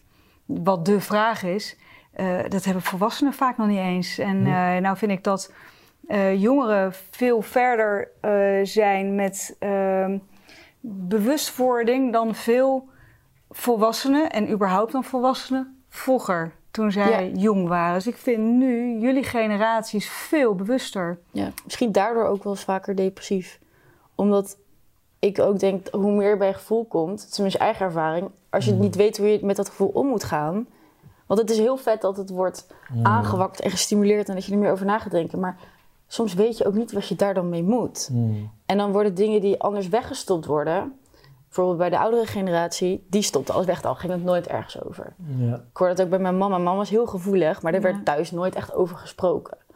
Ehm, maar als er wel over gepraat wordt, dan wordt er iets opengebroken of als je erover na gaat denken. Maar als je geen idee hebt hoe je daarmee om moet gaan, Ja. dan ga je bepaalde handelingen doen of ga je bepaalde verslavingen ehm, aan. Of dan word je depressief, omdat je verder geen handvatten krijgt om daaruit te komen en daar eigenlijk. Ja, ja het, en, en het contrast is ook zo groot met wat je ziet in je buitenwereld Ja. en wat je voelt aan schoonheid van binnen. En dat, zeg, dat is ook een uitspraak van Osho. Dat is een hele populaire man voor onze generatie. Ja. Ik weet niet, ken je hem? Nee. nou, even het bewijs dat we met een echte jonge gast Ja, hebben. ik heb echt, ik vind dit echt prachtig ook allemaal, maar ik heb echt, ik ben echt zo niet, zeg maar, Nee. ik heb echt heel weinig weet van het hele spirituele. Ja, nee, maar dat zijn allemaal Ik vind het wel wegwijzers. heel cool en Maar interessant. dat hoeft, dat hoeft ook niet. Nee, maar daarom vind ik het dus leuk ook om hier te zijn, want dan Maar goed, die, die, die Osho die, die Ja. zegt dus van... Spirituele mensen zijn anxious, een beetje nerveus. Omdat ze ook gewoon zien dat de wereld in, in wanhopige eh, staat van, van, van onderhoud is. Weet je, en dat, is, ja, dat ga je zien. En als je er lekker in meegaat en mee identificeert, ja, weet je niet beter. Nee. Maar als je echt naar die zuiverheid gaat en wie je echt bent... en als je dat ook in anderen gaat zien... van jij hebt net zo goed die prachtige essentie in jou. Jeetje, Mina. En als je dan ziet wat er gemanifesteerd wordt en wat er allemaal... ik- Wow, ja, dat, dat is wel om depressief van te worden. ja. Ja, dat kan ik wel goed, eh, goed inbeelden. Maar is het niet ook zo dat je depressief wordt omdat je echt geen idee hebt wie je bent? Ehm, Voor veel ja, jongeren. dat denk ik ook Hè, hoor. want Ja. de, de vraag eh, die je, je zou, jezelf zou moeten stellen is wie ben ik? Want als je weet wie je bent, dan weet je ook waarom je hier bent en wat je hier überhaupt gaat doen, waardoor er zingeving is. Maar eh, omdat ze geen idee hebben, is het ook niet zo dat daarom de jongeren nu zoveel labels nodig hebben om maar te verzamelen, Ja. om dan eigenlijk vat te krijgen kapsel van krijgen. ja, oh, maar dan weet ik het. Dat Ja. daar daarom zo'n overlabeling in deze tijd eh, is. Omdat Maar ook met Ja, label, mooi. als je jezelf kan identificeren in dat hokje, kunnen, zijn mensen ook nog heel vaak depressief. Ik denk dat dat, dat het, het is eigenlijk gewoon bijna nooit goed dan of zo, maar Ja. het, is, het is zo lastig. En, maar dat hoort ook heel erg, denk ik, bij het leven. Het is meer hoe je ermee omgaat, denk ik ook. En ik denk ook dat heel veel depressie komt van thuissituaties of van ehm, uitzichtloosheid. Of dat ze inderdaad niet weten wie ze zijn. Maar ook heel veel andere aspecten daarin. Of dat je, weet ik veel, geen, niet Ja. heel veel geld hebt of geen lieve ouders. En dat je, het is vaak ook een soort van schreeuw om hulp. Ehm, en ik vind dat we daar veel te weinig ook naar kijken als, bijvoorbeeld waar ik net over had, als school zijnde. Dat er heel vaak ook, bijvoorbeeld als je hoogbegaafd bent of zo, ehm, dan ben je hoogbegaafd. Maar ja, word je er echt gelukkig van als je ook heel creatief bent. Je kan, zeg maar, er zijn zoveel hokjes. En ik denk, Ja. als je eenmaal in dat hokje zit, dan Ja, zit dan je er ook in heb dat je ineens hokje. kaders. Ja. Terwijl, weet je, er zijn 8 miljard mensen op aarde. Maar dan zouden er 8 miljard letters in het alfabet zijn. Dan nog doe je mensen tekort door het zo'n stempel te geven. Ja. ja. Want het is gewoon meer. Het is altijd meer. En het groeit, het ontwikkelt zich. Het is Ja. altijd ja, tijdelijk wat voor beschrijving je iets ook geeft. En als je naar een ander hokje wil, ja, kan dat dan? Ja. Of zo. Of als je je niet meer lekker voelt in het hokje als het te klein wordt. Het is een er soort dan one-up. uit of zo? Ja. Ja, nou, het is eigenlijk wel interessant, hè. We moeten eh, iemand worden, eh, dan maar dat hokje. Ja. Terwijl we eigenlijk iemand moeten zijn. Ja. En, Mooi. en de Ja. persoonlijkheid, ehm, die wil alleen maar iets worden. Mm. Ja. En de ziel, die is er al. Mm. En als we dat nou eens mee zouden kunnen geven aan de jongeren door te starten zelf? Want daar begint hij natuurlijk. Ja, ik vind Niet alleen wel zelf. Ja. Dat heb ik ooit Ja. geleerd. Dat is wel een keer een hele mooie. Maar echt, ja, je hebt een mooie switch gemaakt. De, de eerlijkheid naar binnen slaan. In plaats van alles maar naar buiten aftasten. Ja. En, maar ik begrijp dus goed dat jij tien jaar anorexia hebt gehad. Omdat je zo verdwaalde in dat zoeken naar buiten en aanpassen. Ja, ja ik, ik ben nog steeds eh, gewoon een eh, dochter van een acteur en een zanger. En dat vind ik het allerleukste wat er is, zelf ook. Ja. Eh, maar omdat dat niet geaccepteerd werd en omdat het raar was, ik moest bijvoorbeeld moest ik spelen eh, in een voorstelling en dan moest ik van de kinderbescherming later naar school en eerder weg. Want je moet gewoon, je hebt gewoon een show, dus je moet naar die stad waar je dan heen moet of waar je moet optreden. Dus dan moet je eerder weg van school. Ja. En dan is het zo, wat ga je doen? Hmm. En dan, ja, optreden. En dat is dan altijd gewoon gek. En ik ben ook altijd gewoon, ik zeg altijd, ja, ik ben, ik ben altijd gewoon een beetje een act. Dat is gewoon, Ja. maar dat vind ik gewoon leuk. Ik vind het gewoon gezellig en ik vind het leuk om mensen te laten lachen. Of om, ja, gewoon mensen iets te laten voelen, zeg maar. Eh, maar dat was dan raar. Eh, Mm. Toen ik naar de middelbare school ging, was ik daar helemaal klaar mee. Ik wilde ook gewoon een keer erbij horen. Ja. Ik wil dan ook gewoon een keertje zo zijn zoals de rest. Niet moeilijk, niet gek. En, ehm, en toen begonnen vriendjes van mij eh, eh, met sporten en minder eten. En toen kon ik dat ineens heel goed. En toen dacht ik, oh, misschien is dat dan wel iets wat ik moet zijn. Maar het ging bij mij eigenlijk helemaal niet over eten. Het was gewoon dat ik mezelf helemaal kwijt was. En ik vond mezelf gewoon echt niet leuk. Dus ik wilde Mm. eigenlijk gewoon, ja, het een Mm. soort slow suicide eigenlijk. Ehm, dus tot op het punt dat ik niet meer mocht lopen, zeg maar. eh, moest, ik heb een half jaar ook thuis in bed moeten liggen. En ehm, ja, toen ging dat iets beter. Toen ging ik naar Amsterdam. Toen wilde ik dat weer. Toen dacht ik, nou oké, nu weet ik in ieder geval... Want toen was ik weer, weer? anders. Wat, wat, wat wilde je weer, sorry? Eh, ik wilde weer gewoon zo zijn als iedereen. ja, ja. Ehm, want als je dan niet naar school gaat... en dan moest, ik, moest mijn mama naar school komen... om mij dan mijn boterhammetjes op te eten. Kijken of ik wat op had toen ik weer mocht. Ben je ook weer anders. Dus het ging elke keer fout of zo, het plan om gewoon Ja. lekker zo te zijn als iedereen. Ehm, en in Amsterdam had ik wel meer het gevoel dat ik met mijn creativiteit er meer mocht zijn. Maar alsnog schaamde ik me zo erg weer dan voor het feit dat ik dan nog steeds toen ook ziek was. Ehm, maar mijn ouders dachten ook, nou ga maar gewoon, misschien is dat ook wel een oplossing. Om dan tussen creatieve mensen te zijn of zo. ja. Ehm, bleek niet de oplossing, maar wel gaandeweg zoveel ook mooie mensen ontmoet. En andere, ander soort mensen. Ik heb ook niet gestudeerd. Dus ik mocht al mijn vrienden Ja. zelf uitkiezen. Dat vind ik Ja. ook echt een cadeautje. Ja, ja. Dat vind ik zo cool. Dus iedereen om mij heen, die vond mij ook leuk om wie ik ben. En niet omdat ze met mij in de klas zaten. Ja, en als ik Dus, het goed ja. begrijp, heeft dat jou ook vooral bevrijd uit dat. Want de, de zes weken Portugal, Ja. dat deed eigenlijk minder dan de echte oprechte gesprekken met je directe naaste. Ja, het heeft allebei heel erg geholpen. Want ik was heel erg bang ook, voordat ik dan wegging, zonder telefoon, dacht ik, oh mijn god. Dat was, ik heb het drie keer aangeboden gekregen, die, eh, die reis. En ik heb twee keer gezegd, wat denk je, denk je serieus dat ik dat ga doen? Want ik heb werk, mensen, dan word ik ontslagen, want ik ben freelancer. Dus dan dacht ik, nou, dat wil niemand mij meer boeken. En dan, oh, maar mijn vrienden gaan gewoon door. En het is zomer. Dan gaat iedereen mij toch vergeten. En ehm, dat mijn vrienden zo lief waren. Ik heb ook allemaal lieve dingen gekregen toen ik daar was. Mensen mochten wel post sturen en zo. Maar dat vond ik zo vet. Ja. En dat ik dan daar ook... ehm, hebben we ook heel, echt elke dag therapie gehad. En daar moet je ook praten. En dan waren er ook andere mensen die hetzelfde deden. Dus eigenlijk had ik daar ook hetzelfde... Bijna hetzelfde effect. Waren het niet mijn vrienden... Maar die vonden mij ook oké als ik niet oké was. Ja. En ze snapten mij. En dus het was allebei, het hele totaalplaatje was gewoon echt Ja, heel echt. cool. Heel ja, dus, dus voor jou, kort samengevat, ehm, ga delen je gevoel eh, en ehm, durf anders te zijn door jezelf te zijn. Ja, Mm. En die is- Gewoon En jezelf. die is, en die is goed. ja Ja. je bent gewoon oké. Nou, dankjewel. Nou, jullie bedankt. Super mooi gesprek. Ja. Nou, dan gaan wij weer verder met onze volgende gast, Nout Bruinerstein. Dat is de zoon van Bonnie Bessem. Ja, het is eh één grote familie hier. Eh Irina, ik geef jou weer het woord als eerste. Eh, wat maakte jou dat jij Nout hebt uitgenodigd? Nou ja, wat ik heel erg leuk vind, eh, is een paar dingen.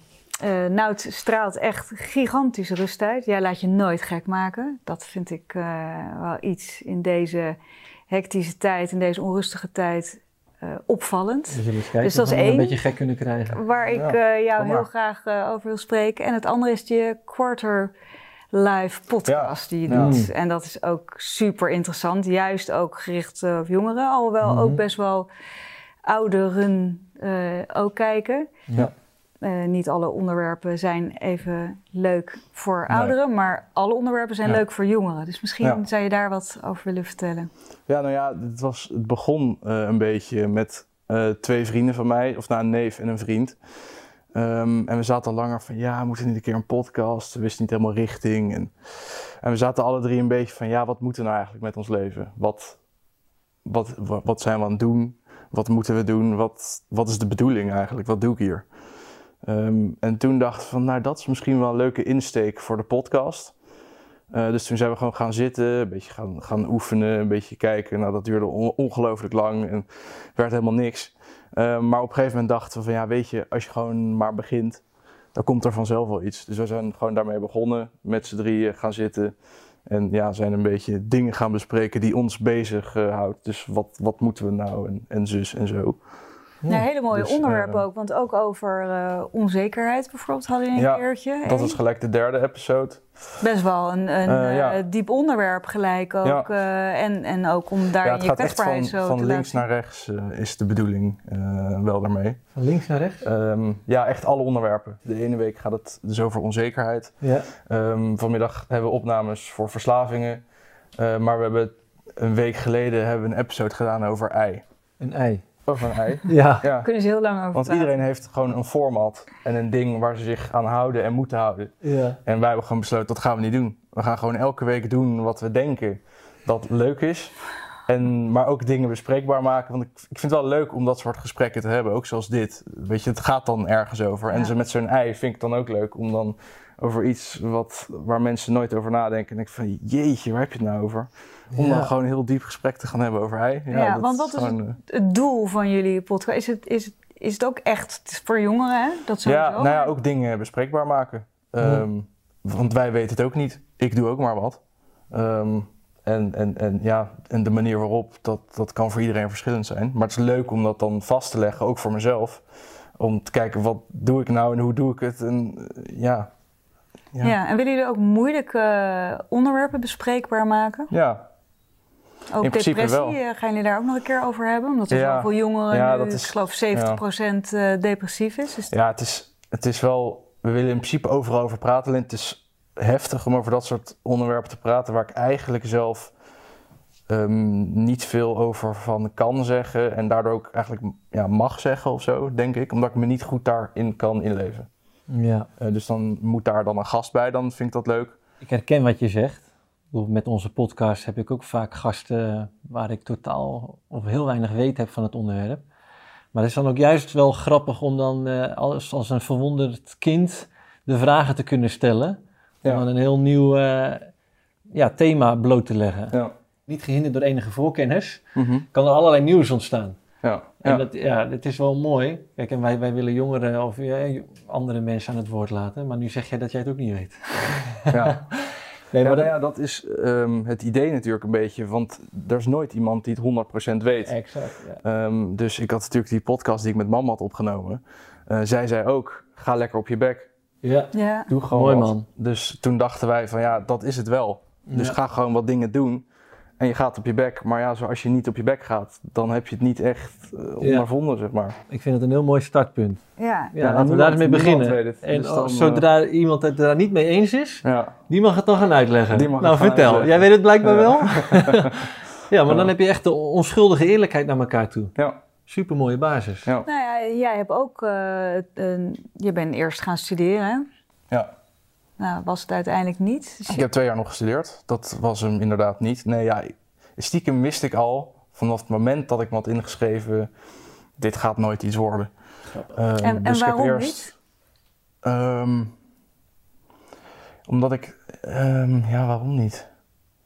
Ehm, omdat ik eigenlijk niet echt goed iets kan doen als andere mensen mij dat opleggen. Dus dan, weet je, je kiest wel zelf voor je studie. Dat is dan wel mijn keuze geweest. Maar uiteindelijk is het wel gewoon in een bepaald, er zijn wel grenzen aan wat je kan doen. Ehm, en ja, verplichtingen en dingen daarvan, dat sloot zo niet aan bij mijn interesses uiteindelijk. Dat dacht ik, Ja. maar, Maar dat iets, is iets, compleet verkeerd ingeschat. er zat dus iets in jou wat dat al wist. Ja, eigenlijk wel. Omdat het is, ik deed het een beetje omdat mensen om me heen het ook deden. Juist. Het was van Ja. vrienden hebben het gedaan, ouders hebben het gedaan. En ik van, nou ja, ja, ja. Dan zal Hè, dat ik het weet wel het zijn. niet, dus Ja. dan ga ik dat maar eh, proberen. Eh, Maar ik wist stiekem zelf van, ja, dit is niet. Alleen ik wist niet wat ik dan anders moest doen. Ja. Je moet wel een goed alternatief hebben. Ja, Herkenbaar. hoe- dat hoe had kwam ik je niet. bij die podcast dan terecht? Hoe is dat gelopen? Dat je... Nou, we hadden een jaar geleden had ik dan met Elian, mijn neef, wilden we gewoon iets grappigs gaan doen. En gewoon een beetje leuk. En een neefje van mij zei ook van, ja, jullie moeten een keer echt... Als ik met jullie in een ruimte zit, ben ik eigenlijk alleen maar aan het lachen. Dus ga een keer, neem een keer iets op. En eh, dit, dat, zus, zo. Ehm hebben we heel lang over gedaan om daar uiteindelijk dus iets van te krijgen. Omdat we dus steeds bezig waren met, ja, maar wat, wat vinden andere mensen leuk? Wat moeten we doen? Zo. En op een gegeven moment hebben we gewoon een social media aangemaakt. En toen zeiden we, over twee weken komt de eerste episode. Toen hadden we niks. Maar toen moesten we maar. En, Gewoon doen. en gewoon doen. En ja, je gaat maar op je bek. En ja, die eerste episode is ook helemaal niet goed. Maar die blijft online staan. En die kan iedereen luisteren. Ja, maar juist Ehm, daardoor leuk. Als Ja. je kijkt over de toekomst, hè, ehm, jij hebt dan nu niet van studie en dan logisch gevolg werk. Eh, nu podcast. Denk je überhaupt na over de toekomst? Wil jij eh, groot bereik? Of wat, wat is jouw toekomstvisie? Wat is je wens? Maar met die podcast is het een beetje een combinatie. Ik vind het onwijs leuk eh, om van mensen te horen dat ze het leuk vonden, dat ze er iets aan hebben gehad. eh, nieuwe inzichten. Maar ik vind het ook onwijs leuk voor mezelf om te doen. Ik maak die podcast niet om alleen maar andere mensen te pleasen. Ik vind het gewoon zelf leuk om met een neef en een vriend over dat soort dingen te hebben. Want daar heb je het gewoon niet over. Ik werk eh, met Elian elke dag. Ja. Dat zijn gesprekken die gaan helemaal nergens over. Ja, ja, En- ja totaal. en gesprekken zoals ja. dit, die heb je gewoon niet als je er echt voor gaat zitten en een beetje Ja, aandacht aan schenkt. ik zou Ehm, eigenlijk... en dat is dus een reden ook dat we Ja. een podcast hebben. Nee, ik zou eigenlijk iedereen adviseren om een podcast te starten. Ja, Weet je, ook al staan Absoluut. de camera's niet eens aan, ja, maar de bedding die het geeft Ja. om echt in te zakken en te verdiepen en de ander uit te laten praten en echt te begrijpen. In plaats van te willen overtuigen, weet je, maar ook het, Ja. de, gewoon de, de setting die het geeft. Ja, ik kom Ja. daar ook achter. Dit is echt eh, heel Ja, en waardevol. echt willen luisteren. Want je hebt natuurlijk vaak, ehm, zeker in deze tijd, dat mensen niet aan het luisteren zijn. Ja. Mensen zijn gewoon aan het wachten totdat degene waar ze mee aan het praten zijn uitgepraat is. Om vervolgens hun eigen verhaal kwijt te kunnen. Ja, Ja. ik heb toch een vraag nog aan je hè, over de toekomst. Eh, heb jij nou ook dat soort toekomstdromen van... oh, maar ik moet later wel een eigen huis kopen... en liefst ook een auto en ehm, nou ja, eigenlijk alle standaard eh, toekomstdromen... die we mm, geacht worden te hebben. die geïnjecteerd dat- zijn in onze cultuur. Ja, Ja. van dan ben je succesvol en gelukkig. Als je dan... Nou ja, stiekem heb, je, heb ik dat wel natuurlijk. Je wil wel gewoon een soort, een soort safe eh, basis hebben van, van dingen. Maar of, of je daar nou echt geluk uit haalt, ehm, dat weet ik niet. Ik denk, ik denk het niet. De geluk haal je uit jezelf. Ehm, ik ben het meest gelukkig als ik, als ik in een sportschool sta of een podcast opneem. Mhm. Ehm, ja, als ik in een auto zit van 500.000 euro, is dat drie keer leuk. ja. En dan daarna is dat eh, verdwenen, denk ik. Ja, dus dat Dus dat haal je daar niet uit, denk ik. Ja. Ja, een gezonde basis is ook heel gezond om te ambiëren. Ja. Kijk, ik denk wat deze cultuur er bovenop gooit, is het moet een grote villa zijn.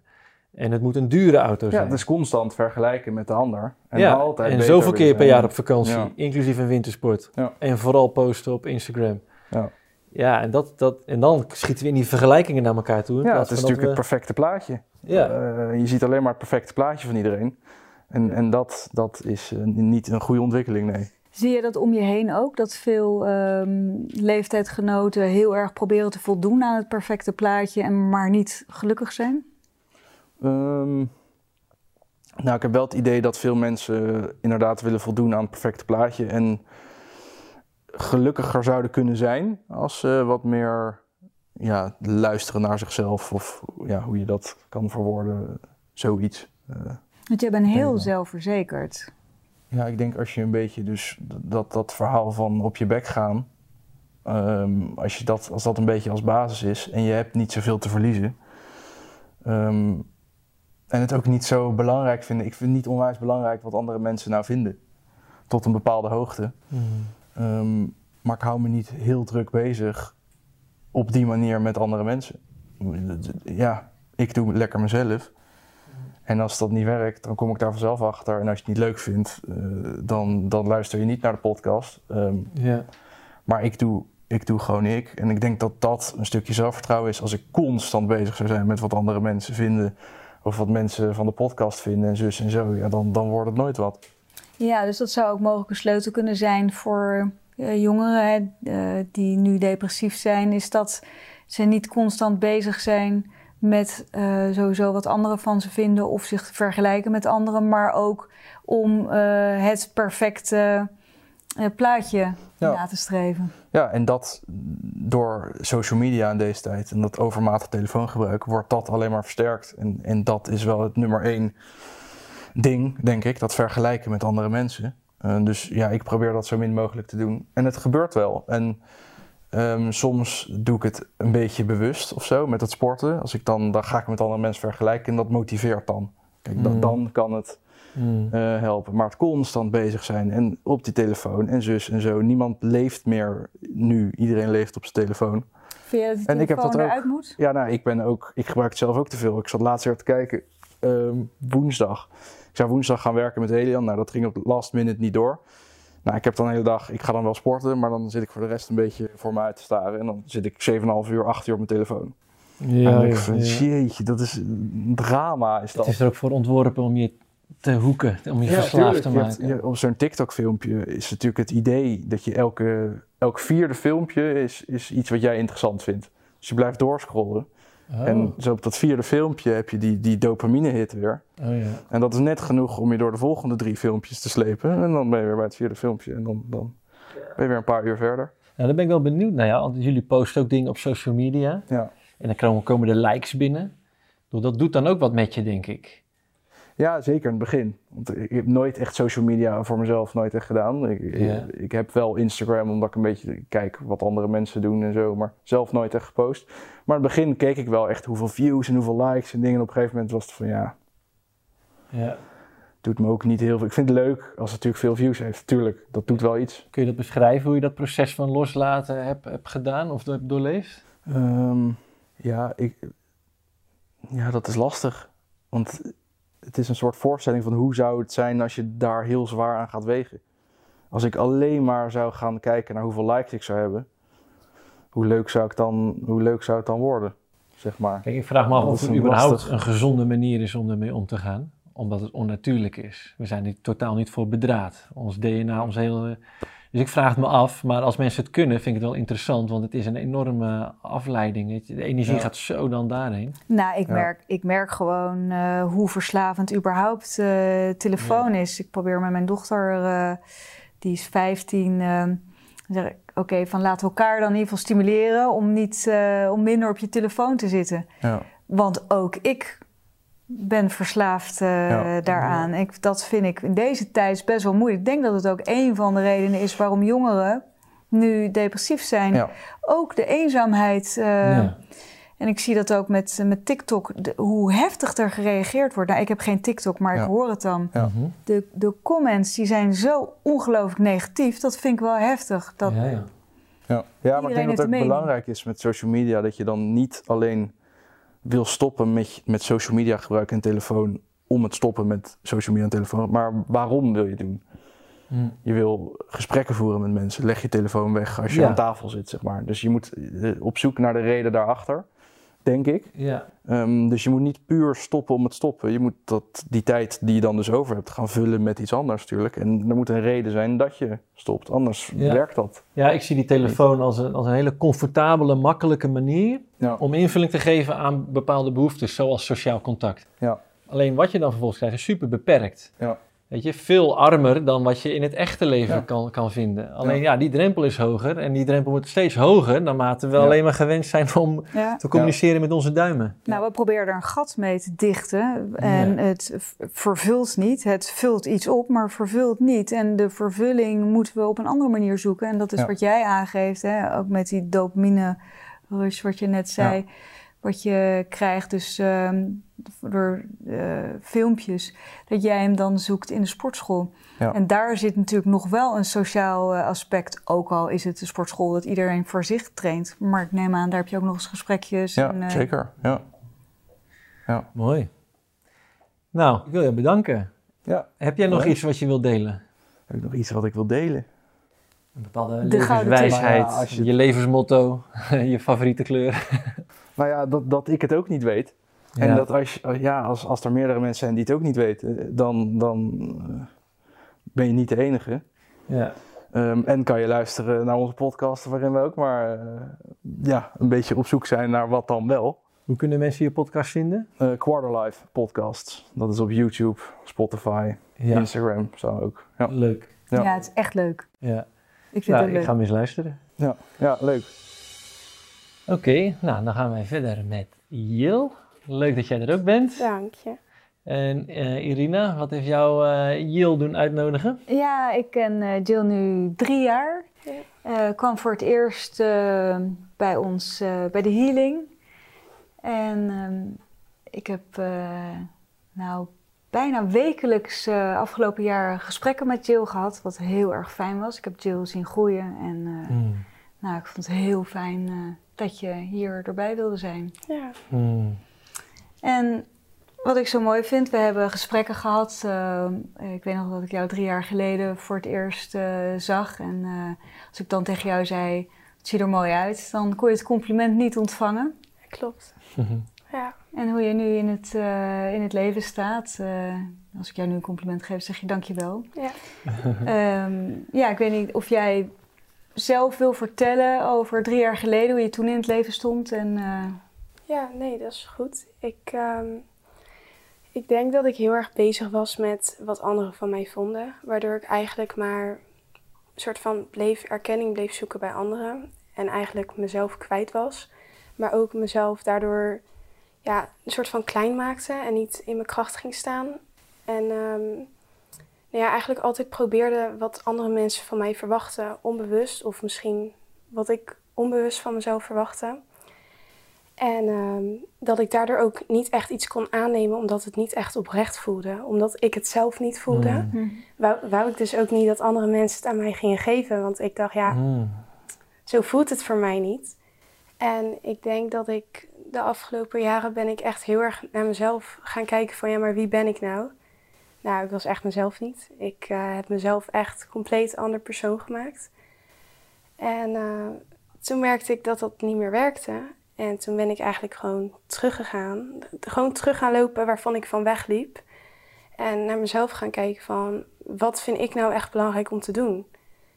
En daardoor krijg je gewoon, vind je eigenlijk, of probeer ik te vinden, de geluk in mezelf. En niet meer in anderen, waardoor je soort van zelf, ja, het woord ervoor, ja, soort- ik denk dat je jezelf vindt, maar daardoor ook heel veel anderen, omdat je jezelf, zeg maar, als een soort magneet trek je het aan van de rest.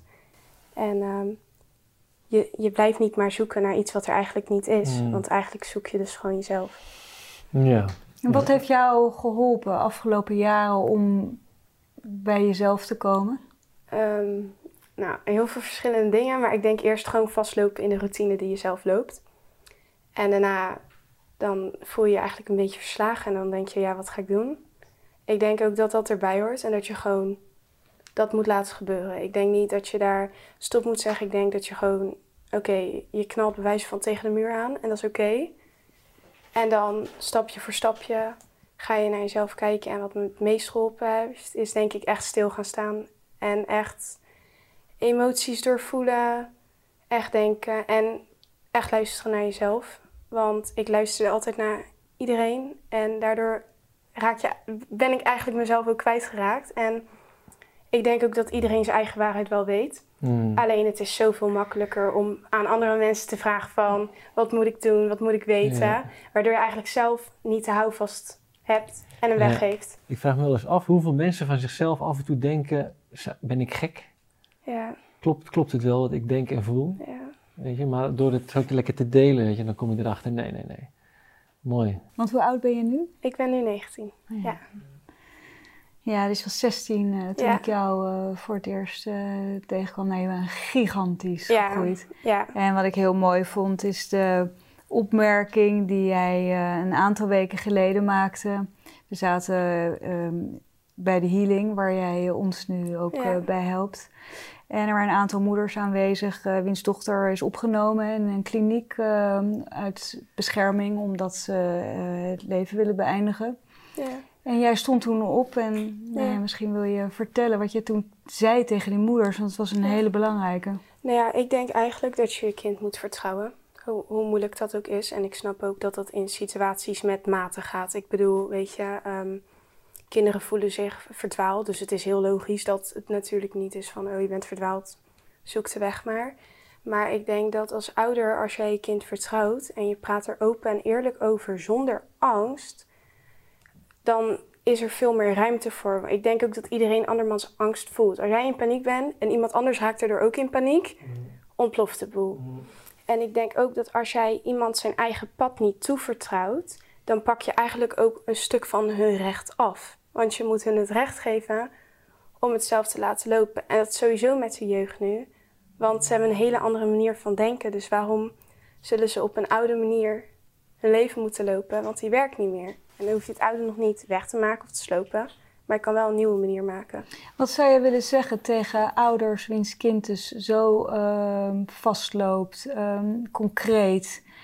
Ehm, ja, je geeft wel aan hè, van eh, het vertrouwen, maar wat, wat kunnen ze nog meer doen? Want het is best wel moeilijk, omdat hè, als je kind niet meer wil leven, Ja. eh, is best wel moeilijk om een knop om te zetten van, nou, ik ga jou nu het vertrouwen geven. Maar is er nog Ja, iets anders zeker. wat je, wat je mee zou kunnen geven? Wat ze kunnen doen, zowel de ouders die nu luisteren, als eh, De, voor de kinderen? Ehm, ik denk sowieso dat je niet uit je. Zeg maar, iedereen heeft zijn eigen denkwijze en zijn eigen patronen waar ze aan vasthouden. En die moet je niet op het kind projecteren, dus niet vanuit daar lezen. En echt luisteren naar wat zeggen ze nou. En kijken wat doen ze nou, wat maakt het dat ze zo doen. Ik bedoel, soms ben je gefrustreerd, soms ben je angstig. Waarom niet van, oh, ze is angstig, daar kunnen we niks mee doen. Maar ik denk dat luisteren en er zijn en ook gewoon het er laten zijn. Ik denk, ik denk dat dat het belangrijkste is. En ook gewoon voor de ouders. Kijk, het is ook moeilijk. Dus sowieso chapeau dat je doet. En ook praat er gewoon open en eerlijk over. Maar ook met het kind. Ga niet het kind erbij te houden, zeg maar. Met z'n allen. Je moet, je moet niet, zeg maar, doen alsof het kind het niet weet. Want het kind weet het wel. Ja. En ik, ja, ik denk open. Gewoon open houden, gewoon. Ik vind het super mooi wat je zegt. Ja, Ja, maar ook dat stukje met het vertrouwen dat die ander zijn pad wel vindt. ja.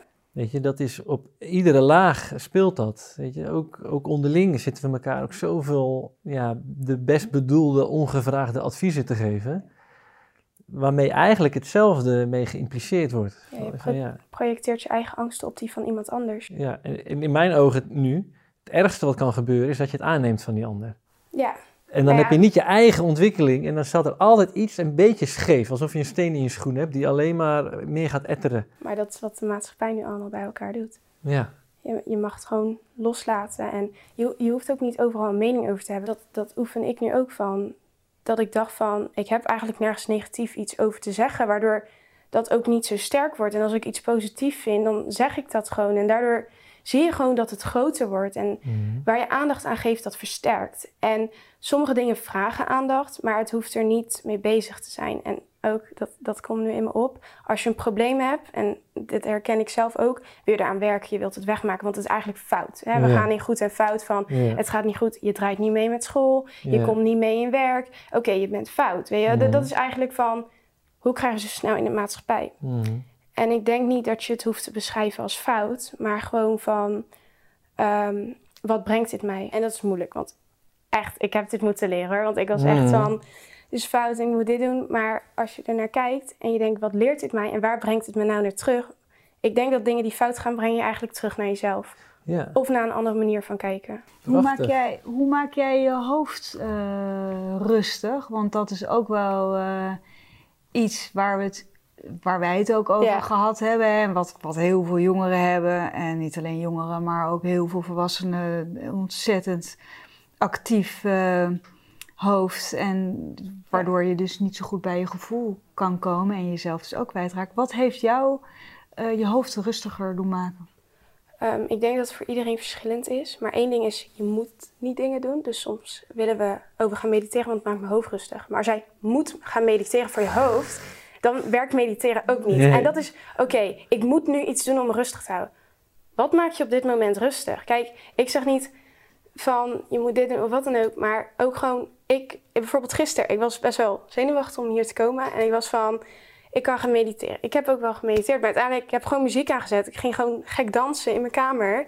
En ik word los, zeg maar. En ik denk, dat is voor iedereen anders. Je kan tekenen, je kan meezingen, maar niks moet. En ik denk dat vooral dat, als niks moet, dan komen dingen naar je toe. Dan uiteindelijk kan je mediteren omdat je denkt, ik wil wel ergens rustig zitten. Ik wil gewoon even mijn hoofd leegmaken. Ja. Eh, Ik denk dat ook heel veel dingen nu is waardoor mensen niet vrij voelen, is omdat dingen moeten. Alles moet. Je moet naar je werk, je moet Ja. betalen, je moet naar school. Je moet, je moet altijd, zeg maar, daarom gaan mensen op vakantie. Weet je, ik wil rust, ik wil Ja. niks moeten. En dan En- worden ze vaak ziek. En dan moet het heel leuk zijn op vakantie. ja, maar dat ook, hè. Want eh, weet ik, nou, je wordt ziek, want alle, alle spanning komt Ja. eruit. Of je moet genieten. En dan denk ik ook van, stel je wilt echt rustig worden en meer naar jezelf komen. En je weet nu op dit moment niet wat je moet doen. Ga gewoon, reken een tijd in, weet ik veel, een uur in de week. Desnoods is het maar 10 minuten. Dat je gewoon niks doet. En heel ga je op de bank zitten en kijk je alleen naar voren. Maar dat zoveel gedachten komen hè, ook Mm. in je op. En het ontlaat ook gewoon. Ja, het is mooi wat je zegt. Hè. We moeten ook zo eh, zoveel ook continu die prikkels krijgen van echt stilzitten, wat jij Ja. zegt. Dan is het, oh ja, maar dan moet ik wel muziek luisteren, moet ik nog wel Ja. iets doen. Maar gewoon helemaal in stilte, Ja. helemaal niets. Gewoon alleen maar met jezelf. Ja, dat is natuurlijk waar we vaak van weglopen. Ja. Omdat dat veel te confronterend is. Maar dat doet eigenlijk ook niemand meer in de maatschappij. Want nu zelfs, zeg maar, met spiritueel of gezond gaan leven, dan is het, oh, ik moet gezond gaan leven. Dus ik, ik ga nu sporten, want dat moet, want dan heb ik geluk. Maar eigenlijk is de kern van alles dat je niks moet. Ja. ja, tegenwoordig een hoop mensen, steeds meer mensen doen dat dan alweer wel. Ja. Weet je, maar ja, het is, het is enorm groeiende. En de, de, de bevrijding die er is in de acceptatie van wat er gewoon is. Dat je gewoon tien minuten per week gaat stilzitten, wat je ook voelt. En ik doe dat dus zelf ook wel eens. En, en binnen een minuut ben ik al helemaal thuis bij mezelf. Dat ik daarna weer in een soort zelfafwijzing kan schieten van... Wat heb ik al die tijd nou moeilijk zitten doen? Dat is, kan zo eenvoudig zijn.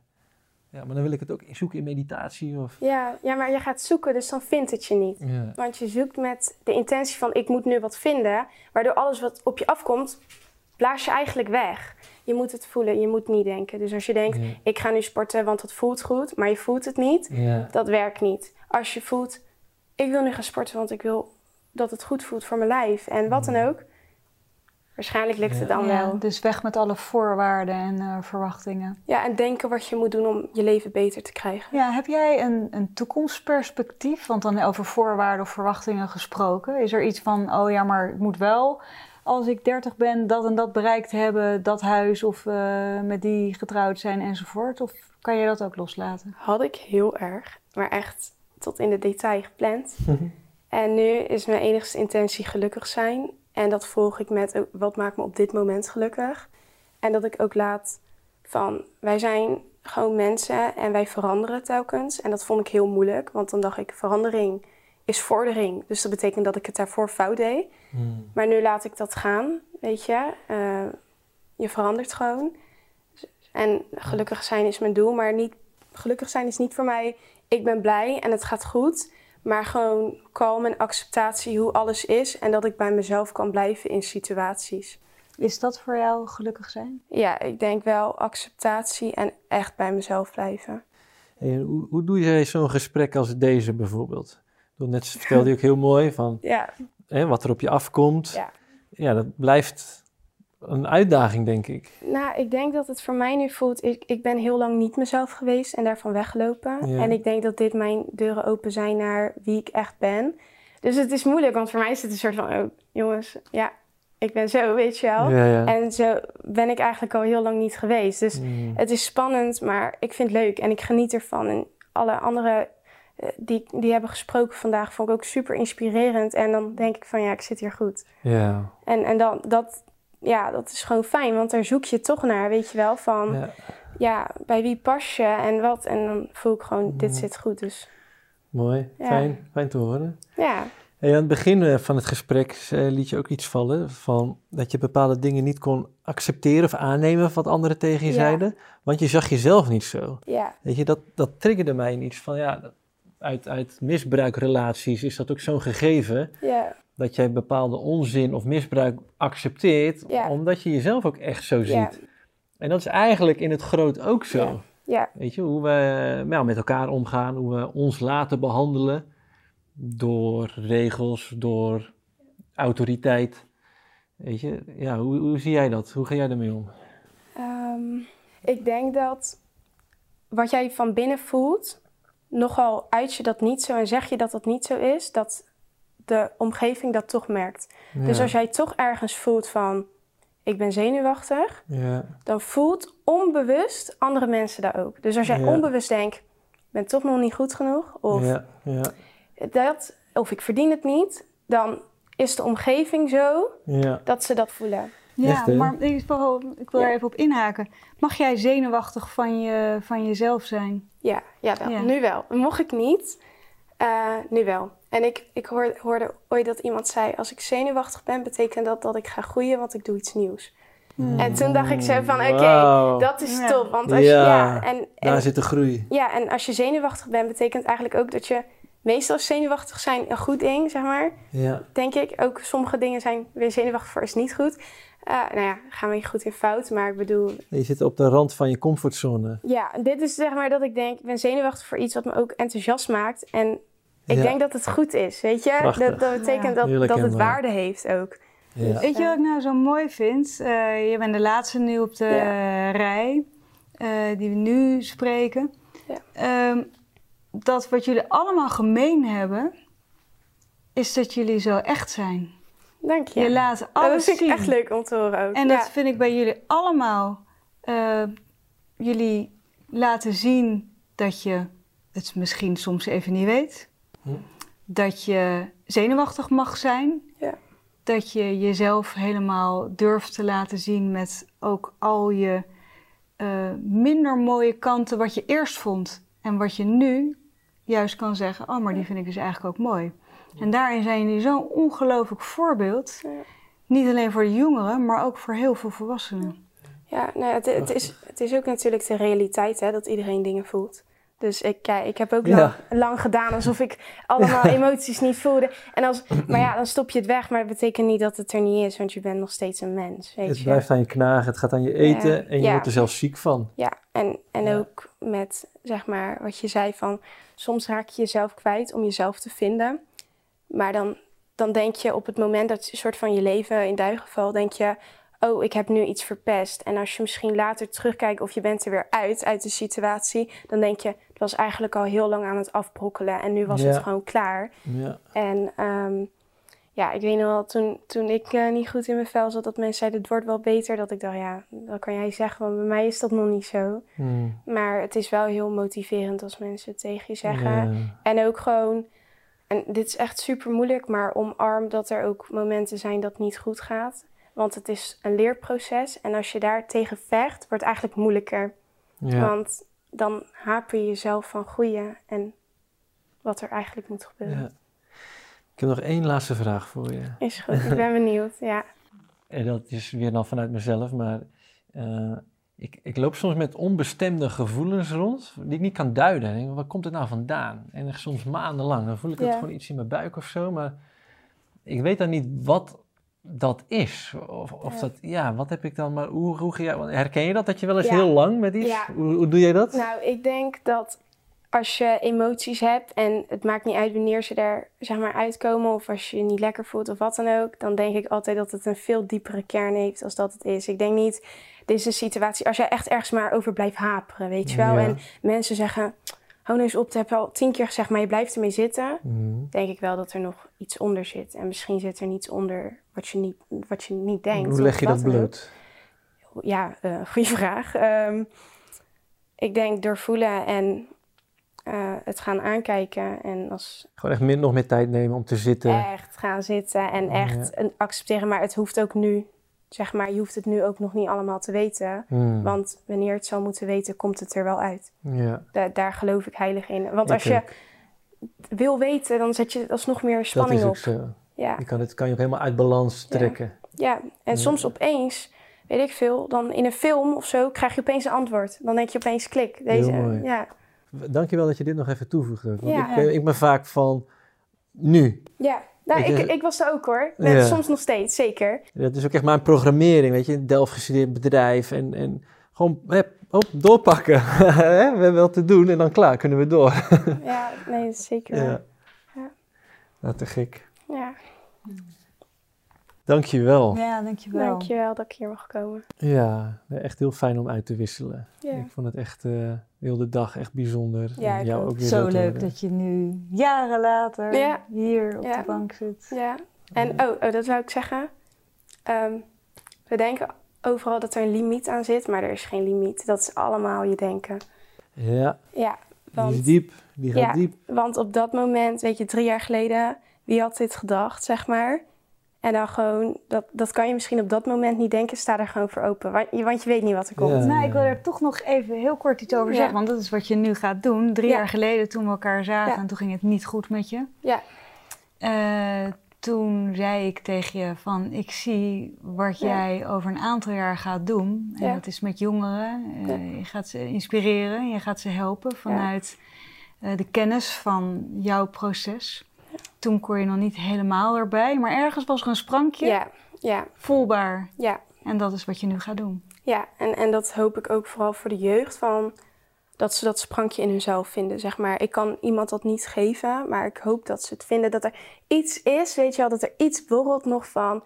Ik verdien beter. En misschien verdien beter, weet je. Dat is al zo'n zwaar woord. Maar dat je iets zegt van, oh, ik wil dit nog. Of iets wat je hoopt geeft. Al is het tekenen, al is het buiten wandelen, al is het een nummer, Ja. muziek. Maakt niet Ja. uit, maar hou je daar gewoon aan vast en uiteindelijk groeit het uit tot meer. Er is altijd wel iets wat je hoop geeft en laat niemand je hoop, hoop afpakken. Nou, inderdaad. Dat, je, dat slaat Ja. ook weer terug op dat zelfbeeld. Hoe zie je jezelf? Ja. Wat gun je jezelf? Ja. Hè? Waar denk jij recht op te Ja. hebben? Ja, je kunt jezelf zo klein maken. Ja. Mag ik wel bestaan? ja. Ja. Want Ja, wat ga jij doen voor jongeren? Nou ja, als het goed is gaan wij eh, samen Wij gaan eh, iets, eh, daar iets voor mee jongeren natuurlijk eh, bij de het Levenscollege. Ja. ja dat, eh, dat vind ik wel heel tof om te doen. Het levenscollege. Ja. Ja. Nou, mooi. We, gaan, we kijken ernaar uit. Dank je. Ja. Nou, super bedankt Jill. En jij ook Irina voor eh, deze dag en het eh, organiseren, het faciliteren. Nou, in deze prachtige woning voor jullie, de tempel. Ja, jij ook Ferdinand en met jouw team van Lumens. Ja. Echt super mooi dat jullie eh, dit direct hebben opgepakt. Zo belangrijk. En, Ja, dit, dit zaadje was al, ik denk een jaar geleden al geplant. Dat we echt al zo die roep voelden om met ja, jongere generaties in gesprek te gaan. Omdat daar minder programmering zit waar wij zo tegenaan lopen. Dus ik vond het echt te gek en dat wij elkaar zo konden vinden. Echt, eh, ja, meant to be. Zo voelt dat. Het komt gewoon helemaal stromend, vloeiend samen. en Mooie gesprekken gehad dus. nou, en ik hoop dat er veel jongeren door geïnspireerd eh, worden. Maar ook eh, de ouderen. De ouderen en de jongeren. Ja. ja, en het heeft mijzelf ook al gewoon heel veel gebracht. Van het ontwapenen het- het- vanuit de natuur. In plaats van allerlei boeken raadplegen en dat moeten volgen. Uit het dogma en naar de natuur. Heel mooi. Je leert meestal van de mensen waarvan je het niet van verwacht. De grootste meesters Ja, komen ja. in de grootste vermomming. Jij moet ook in de tegels. Ja. ja, ja, ik schrijf veel quotes hoor, sowieso. Ja. Nou, beste mensen, ik hoop dat jullie er ook onwijs van genoten hebben. Eh, zo ja, geef het een like, ge- geef het een reactie onderaan de video. Eh, kijk zeker ook eventjes naar de twee tijdboeken. Beide hebben onderwijsartikelen waarin ook verder uiteengezet wordt hoe we het eh, anders zouden kunnen inrichten. Niet op een manier hoe het moet, maar hoe het kan om dit soort dingen van vandaag veel meer ruimte te kunnen geven. En op onze website www.tijdboeklumens.nl, daar kun je ook reacties achterlaten op de video en een broodnodige vergoeding achterlaten, al is het maar een eurotje per maand. Wij zijn er super dankbaar voor. Degenen die dat al gedaan hebben, echt super bedankt, want dat zorgt ervoor dat wij door kunnen bouwen, door kunnen gaan. En dat doen we maar al te graag, zoals jullie zien. Nou, tot de volgende keer. We zien elkaar.